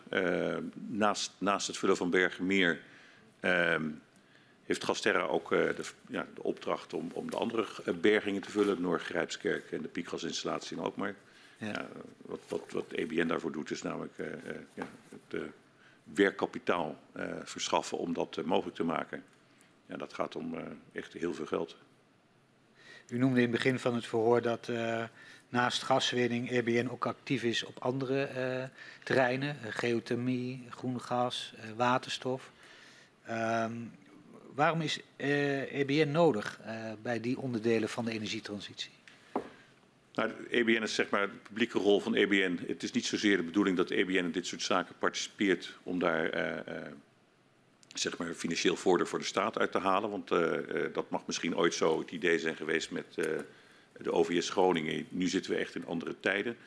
Ehm, ja, de verduurzaming van onze energievoorziening, maar ook het minder afhankelijk maken van, gas, ja, van gasgebruik, moeten we als samenleving echt meer gaan inzetten in, uh, in alternatieven voor het gebruik van gas. Ja, en zeg maar die hele transitie daartoe, uh, die is weer barstig. Daar is het ook verstandig om publieke organisaties op in te zetten om die, om die transitie ja, zeg maar in eerste instantie in gang te zetten. Ik denk een fantastisch voorbeeld is, is Portos CO2-opslag, waar EBN samen met Gasunie het havenbedrijf Rotterdam het initiatief heeft genomen om dit project te gaan realiseren, wat publieke, sorry, commerciële partijen niet wilden of niet konden. Ja, nu Portos zeg maar, tegen investeringsbeslissingen aangaat, zien we dat zeg maar, het, het opvolgende project, Aramis, we nu ook uh, samen met commerciële partijen uh, werken. Die ook zien dat, ze, ja, dat, dat door, de publieke organisaties toch een soort met, drempel voor deze markttoetreding hebben weggenomen. En dat je daar wel die verstelling gaat krijgen. En dat zie je natuurlijk eigenlijk ook met geothermie, waar, waar de sector ja, nog veel harder moet gaan, gaan, groeien. Omdat namelijk ja, de, de, warmtevoorziening in Nederland is nu nog volledig gebaseerd op gas. Ja, als je van het gas af wil, dan zul je toch duurzame warmtealternatieven gaan ontwikkelen. Ja, en, en, hetzelfde geldt ook voor, voor groen gas en waterstof. In het klimaatakkoord staat een ambitie van 2 tot 3 miljard kubieke meter groen gas in 2030. Nou, we zitten nu bijna in 2023 en we zitten nog niet eens op 200 miljoen. En er is ook geen, mm -hmm. geen helder plan om, om naar die 3 miljard te komen. Maar het is wel ontzettend belangrijk. Mhm. En waarom uh, is EBN daar uh, voor toegerust? Uh, nou ja, niet bijvoorbeeld het ministerie zelf? Ja, EBN is een privaatrechtelijke onderneming. We zijn een participatiemaatschappij. Het is, we zijn eigenlijk vergelijkbaar met een InvestNL, maar dan voor energie. Um, terwijl, ja, dat is dan 50 jaar geleden zo, zo georganiseerd. Maar wij kunnen uh, naast het in, uh, inbrengen van, uh, van, kennis en kunde ook ja, de financiële slagkracht om investeringen te, te, te, ja, te, stimuleren en los te trekken. Mm -hmm. ja, en, en, wat het bijzonder natuurlijk als beleidsdeelneming, wij kunnen het energiebeleid van het ministerie uitvoeren. Dus ik denk een mooi voorbeeld is in het kader van voorzieningszekerheid het vullen van Bergenmeer. Ja, dat was, daar hebben we een speciale opdracht van het ministerie gekregen. Dat hebben we in een hele korte tijd samen met het ministerie weten te realiseren. we hebben nu ook de, het doel, zoals de Kamer dat had neergelegd, 90% vulgaat van de gasopslagen, hebben we deze week gehaald. We hadden in het vorige verhoor met mevrouw Van Loon, uh, volgens mij ging het ook specifiek over het Noord H2-project. Uh, eh, waterstof, de waterstofontwikkeling, in, in, in ook in Groningen. Waarbij eigenlijk de ambitie is om wind op zee om te zetten op waterstof. Eh, in, in uh, dat dat ook weer een publiek-private samenwerking is. En uh, we hebben haar gevraagd wat zijn nou haar lessen die ze trekt uit de publiek-private samenwerking in het gasgebouw, die je meeneemt in nieuwe vormen van publiek-private samenwerking in de energiesector. Wat zijn nou voor u de lessen van, zeg maar, wat is het, 60 jaar gasgebouw, die u meeneemt naar andere publiek-private samenwerkingen? Ja, nou, het is niet alleen natuurlijk het gasgebouw. Het zijn, die, die, die, andere 200, bijna 240 uh, uh, publiek-private samenwerkingsverbanden die wij hebben. Uh, dat je ziet, enerzijds als, als vanuit de publieke kant, dat je soms zeg maar nieuwe markten kan ontwikkelen, risico's kan verminderen voor, voor de private partijen om, om toetreding te hebben. Verder ook zeg maar het, uh, het delen van, van kennis. Ik bedoel, eh, een van de voordelen die EBN heeft, dat wij uh, ja, zeg maar een totaal transparant inzicht hebben in alle olie- en gas, de financiële economische aspecten van al, alle olie- en gasactiviteiten in Nederland. Daarbij kunnen we dus ook de benchmarken we ook, delen we de kennis en stimuleren we ook innovatie en, samenwerking. Mm -hmm. ik denk ook een bijzonder voorbeeld is dat um, ja, als sector heeft een, heeft een, een dus totaal over een opruimverplichting voor het weghalen van in onbruik geraakte installaties van bijna 7,5 miljard euro. Uh, nou, dat zag een aantal jaren geleden zag dat er niet zo goed uit. Uh, de, het ging niet zo goed. Uh, over het algemeen gingen mensen over budget. En de, nou, zorg was dat die 7,5 miljard richting de 11 miljard zou gaan. En daar betaalt uiteindelijk ook weer de staat ja, zo rond de 73 procent voor. Dat ook in het gasgebouw. We hebben toen ook het initiatief genomen om samen met de brancheorganisatie om zeg maar, toch een masterplan te ontwikkelen. Daar hebben we een vereniging Next Step opgericht om via ja, samenwerking, kennisdeling en innovatie dit gezamenlijk dit probleem aan te pakken en op te gaan lossen. En dat, uh, daar zijn we nu mee bezig. Dat gaat hartstikke goed. Mm -hmm. En dat zijn, dat zijn dingen waar je uit, vanuit publiek perspectief uh, makkelijker het initiatief kan nemen om, uh, om zaken in gang te krijgen dan als, als je alleen dat aan private partijen over zou laten. Dat snap ik en dat zijn ook belangrijke opgaven. Ja. Uh, uh, mevrouw Van Loon gaf aan, twee lessen die wij hebben geleerd is, uh, het moet transparant. Wees open over alles wat ja. je afspreekt en, en doe het met de regio zelf. Als ik nou op dat niveau vraag naar welke lessen eh, trekt u uit eh, de afgelopen jaren samenwerking in het gasgebouw, zijn er ook dat type lessen die u eh, meeneemt in, in al die andere activiteiten waar EBN namens de staat een rol bij ja. speelt? Zeker. Nou, zoals u zegt, uh, je hebt natuurlijk inderdaad lessen die je hebt van dingen die goed zijn gegaan, maar je hebt natuurlijk ook lessen van dingen die niet zo goed zijn gegaan. Ja. Uh, ja, met name uh, zeg maar, het feit dat je ja, de, de, de, de samenwerking met je omgeving, dat, dat moet, maar kan ook veel beter. we hebben dat al een aantal jaren zelf al, al toegepast met bijvoorbeeld, ja, ik noemde het eerder de seismische campagne Aardwarmte Nederland, waarbij we met 93 gemeentes echt ook in gesprek zijn gegaan. En dat doen we ook uh, zeg maar tevredenheidsonderzoeken om te kijken, om te kijken of, we inderdaad, uh, of, of we dat wel goed doen en wat de verbeterpunten zijn. Nou, een ander, uh, ander punt waar we bezig zijn, we hebben ook samen met geotomie.nl, dat is de brancheorganisatie voor de geotomie sector, hebben we ook participatiestandaarden uitgewerkt. Projecten die wij doen om dat toegankelijk te maken voor, voor de omgeving, maar ook zorg dragen dat je het samen met je omgeving doet. Mhm. En als ik dat nu hoor, en ik betrek het dan weer op het Groningenveld, dan mag ik dan concluderen dat, daar, dat u vond, als het ging om het Groningenveld, dat het meer aan andere partijen was om die, die relatie met de samenleving uh, en het draagvlak te organiseren, uh, dan dat dat uh, de verantwoordelijk van, van de EBN was? Ja, de, de, de OVS Groningen is er heel duidelijk on, over dat de maten mogen niet naar buiten treden. Ja. De NAM is, uh, als, uh, is aangewezen als, als de operator, uh, is ook de vergunninghouder, dus exclusief bevoegd om die operaties uit te voeren. Ja. En dat was het heel sterk belegd bij, bij de NAM. Daarnaast was het ook zo dat ja, EBN had ook niet de, de mensen en de middelen om daar, ja. om, om, om daar zeg maar een, mee te werken.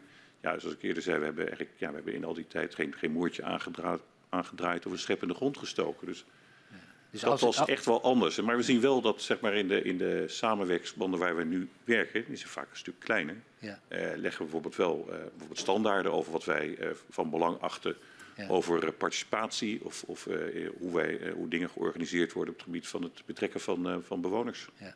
En die samenwerkingsovereenkomsten verhinderen niet dat u wel op dat terrein actief mag zijn. Terwijl dat in Groningen. Het zijn ook lessen die we natuurlijk geleerd hebben uit, uit het Groningen. zoals, ik, zoals ik eerder zei, we, ja, we, zijn, we zijn, denk ik, met z'n allen te technocratisch geweest het, en het probleem uh, te veel hebben proberen op te lossen als, uh, als ingenieurs, terwijl en, en, onvoldoende rekening gehouden met, ja, met, met de gevoelens en, en, en de, ja, ook de frustraties van de Groningers. Ik bedoel, daarom zitten we hier nu ook. Het is niet goed gegaan. Ik geef het woord even aan de heer Quint. Uh, oh, nee. oh, sorry. Sinds uh, 2019 bent u voorzitter van de Koninklijke Nederlandse Vereniging van Gasbedrijven, een belangenorganisatie namens uh, de gassector. Um, hoe verhoudt deze functie zich tot uw functie als CEO van EBN? Nou, de KVGN is uh, geen belangenorganisatie, het is een, een netwerkorganisatie. Het is opgericht in 1873, in de tijd dat er nog bijna 180 gasbedrijven in Nederland waren. Die, ja, die zijn, wilden toen gaan samenwerken om zeg maar, kennis te delen, maar ook om standaarden te zetten. Uh, nou, later is dat bijna allemaal opgegaan in, uh, in de gasunie.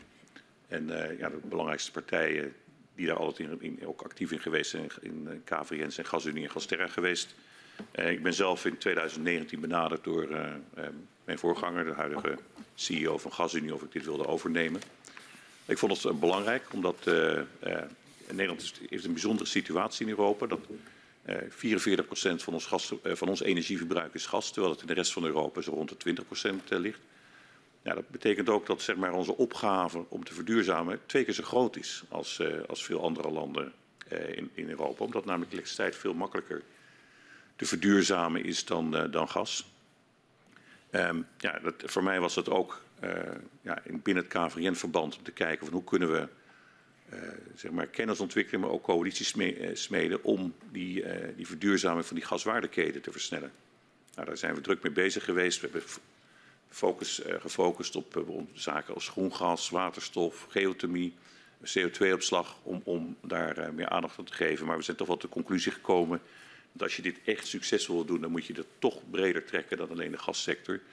En we zijn nu ook aan het kijken of we uh, dat, dat in bredere zin kunnen doen met bijvoorbeeld uh, energieproducenten, maar ook de netwerkbedrijven en, en de infrastructuurbedrijven zoals Tennet en GasUnie.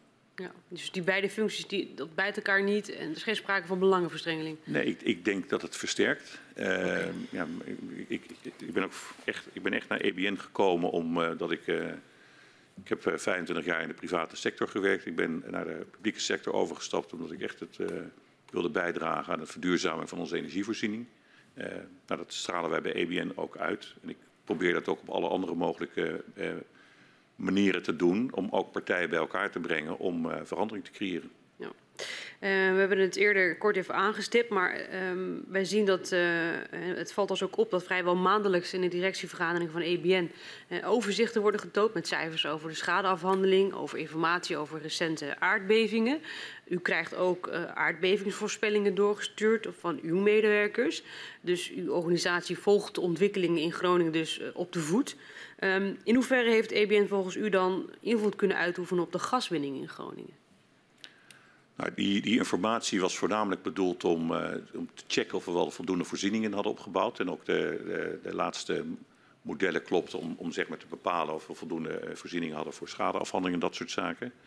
Uh, maar uiteindelijk, uh, ja, de, de, de is verantwoordelijkheid van de minister. Heeft de minister ook meerdere, meerdere keren in de Kamer aangegeven dat hij daar verantwoordelijk voor is. Ja, wij zijn daarbij, wij voeren dat beleid uiteindelijk uit. Dat is, het is niet aan ons om de, de gaswinning te bepalen in Groningen. Nee, ja. Eh, is het dan ook niet aan EBN om dan rekenschap te geven over de bredere impact van die gaswinning op Groningers? De rol van EBN is, wij zijn uh, binnen de maatschap, wij treden niet naar buiten binnen de maatschap. Uh, NAM is aangewezen als de uitvoerder, als de operator uh, voor, voor de Groningen-concessie. Die hadden tot voor kort ook zeg maar, de zorgplicht onder de mijnbouwwet. Dat is dan ja, dat is de verantwoordelijkheid van de NAM om dat te doen. Ja, en als u dat dan terug, um, als u dat dan vergelijkt met uw positie bij, bij TACA, uh, die maatschappelijke verantwoordelijkheid, is dat dan niet te vergelijken?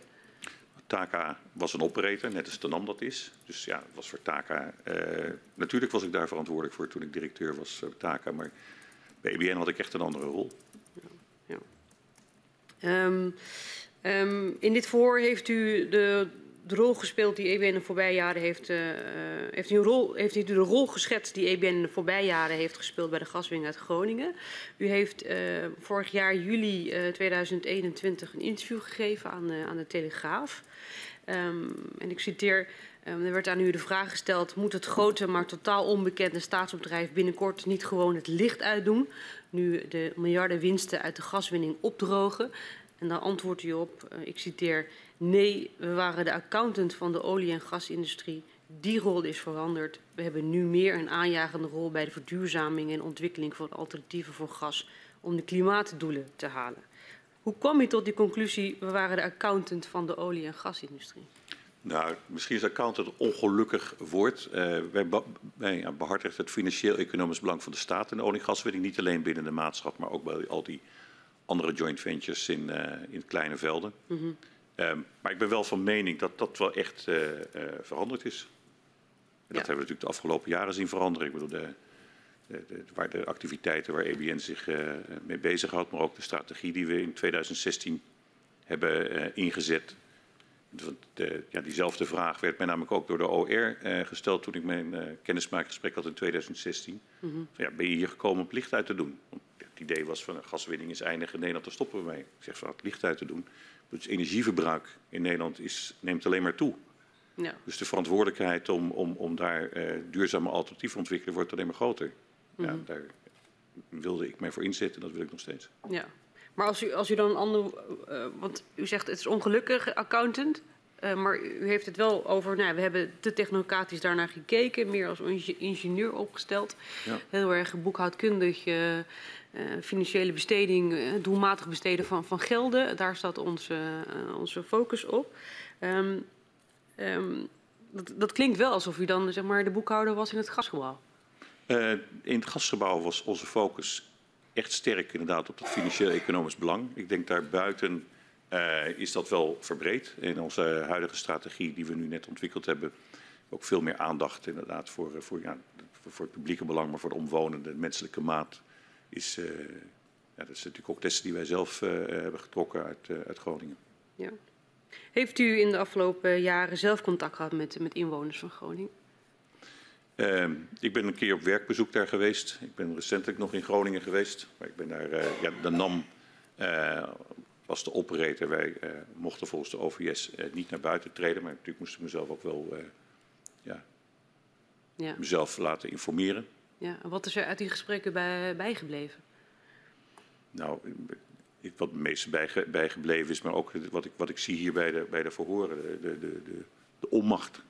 Daar kan ik me echt veel bij voorstellen. Ja. ja. Heeft het met u iets gedaan? Wat deed dat inderdaad dan uh, met u als u die verhoren hoort en maar ook dat ene werkbezoek wat u had? Ja, dat, natuurlijk doet dat wat met mij. Ik bedoel, als ik zeg, uh, denk ik met z'n allen echt wel kunnen concluderen dat dat niet goed is gegaan. Nee. Want wie, wie borgde dan uiteindelijk het publieke belang als veiligheid in uw ogen? Nou ja, dat, dat, dat, dat was dat publieke belang bij veiligheid. Dat was voor ons de OVS was dat uh, duidelijk belegd enerzijds de NAM als operator, maar anderzijds uh, ja, de aangewezen toezichthouder uh, namens de minister de staatstoezicht op de mijnen. Ja.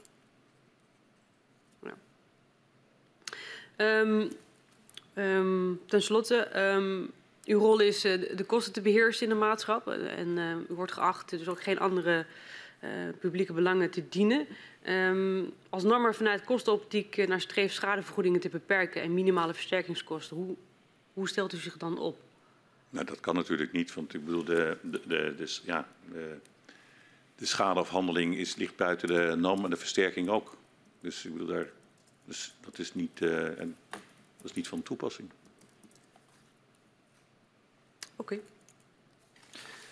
Ik heb nog één vraag. Um, dat komt toch even, want u, u, geeft heel nadrukkelijk aan dat uh, de bestaande overeen, uh, samenwerkingsovereenkomst rond het Groninger veld u verhindert om naar buiten te treden in de regio, omdat het is voorbehouden aan de operator.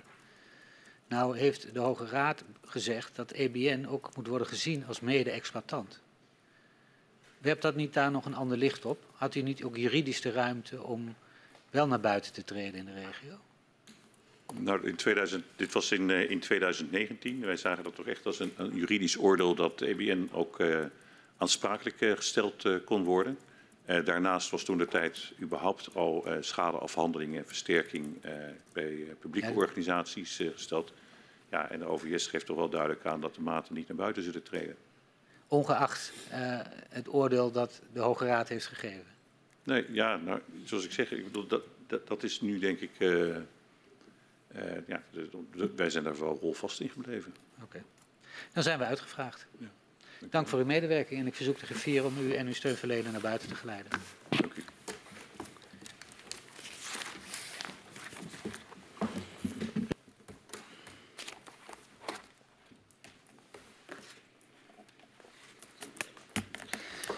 Ehm, het volgende verhoor eh, vindt morgenochtend om 10 uur plaats. Ehm, en eh, dat zal zijn met eh, de heer Jong, de, de, de directeur van eh Exxon. En ik ga nu de vergadering sluiten.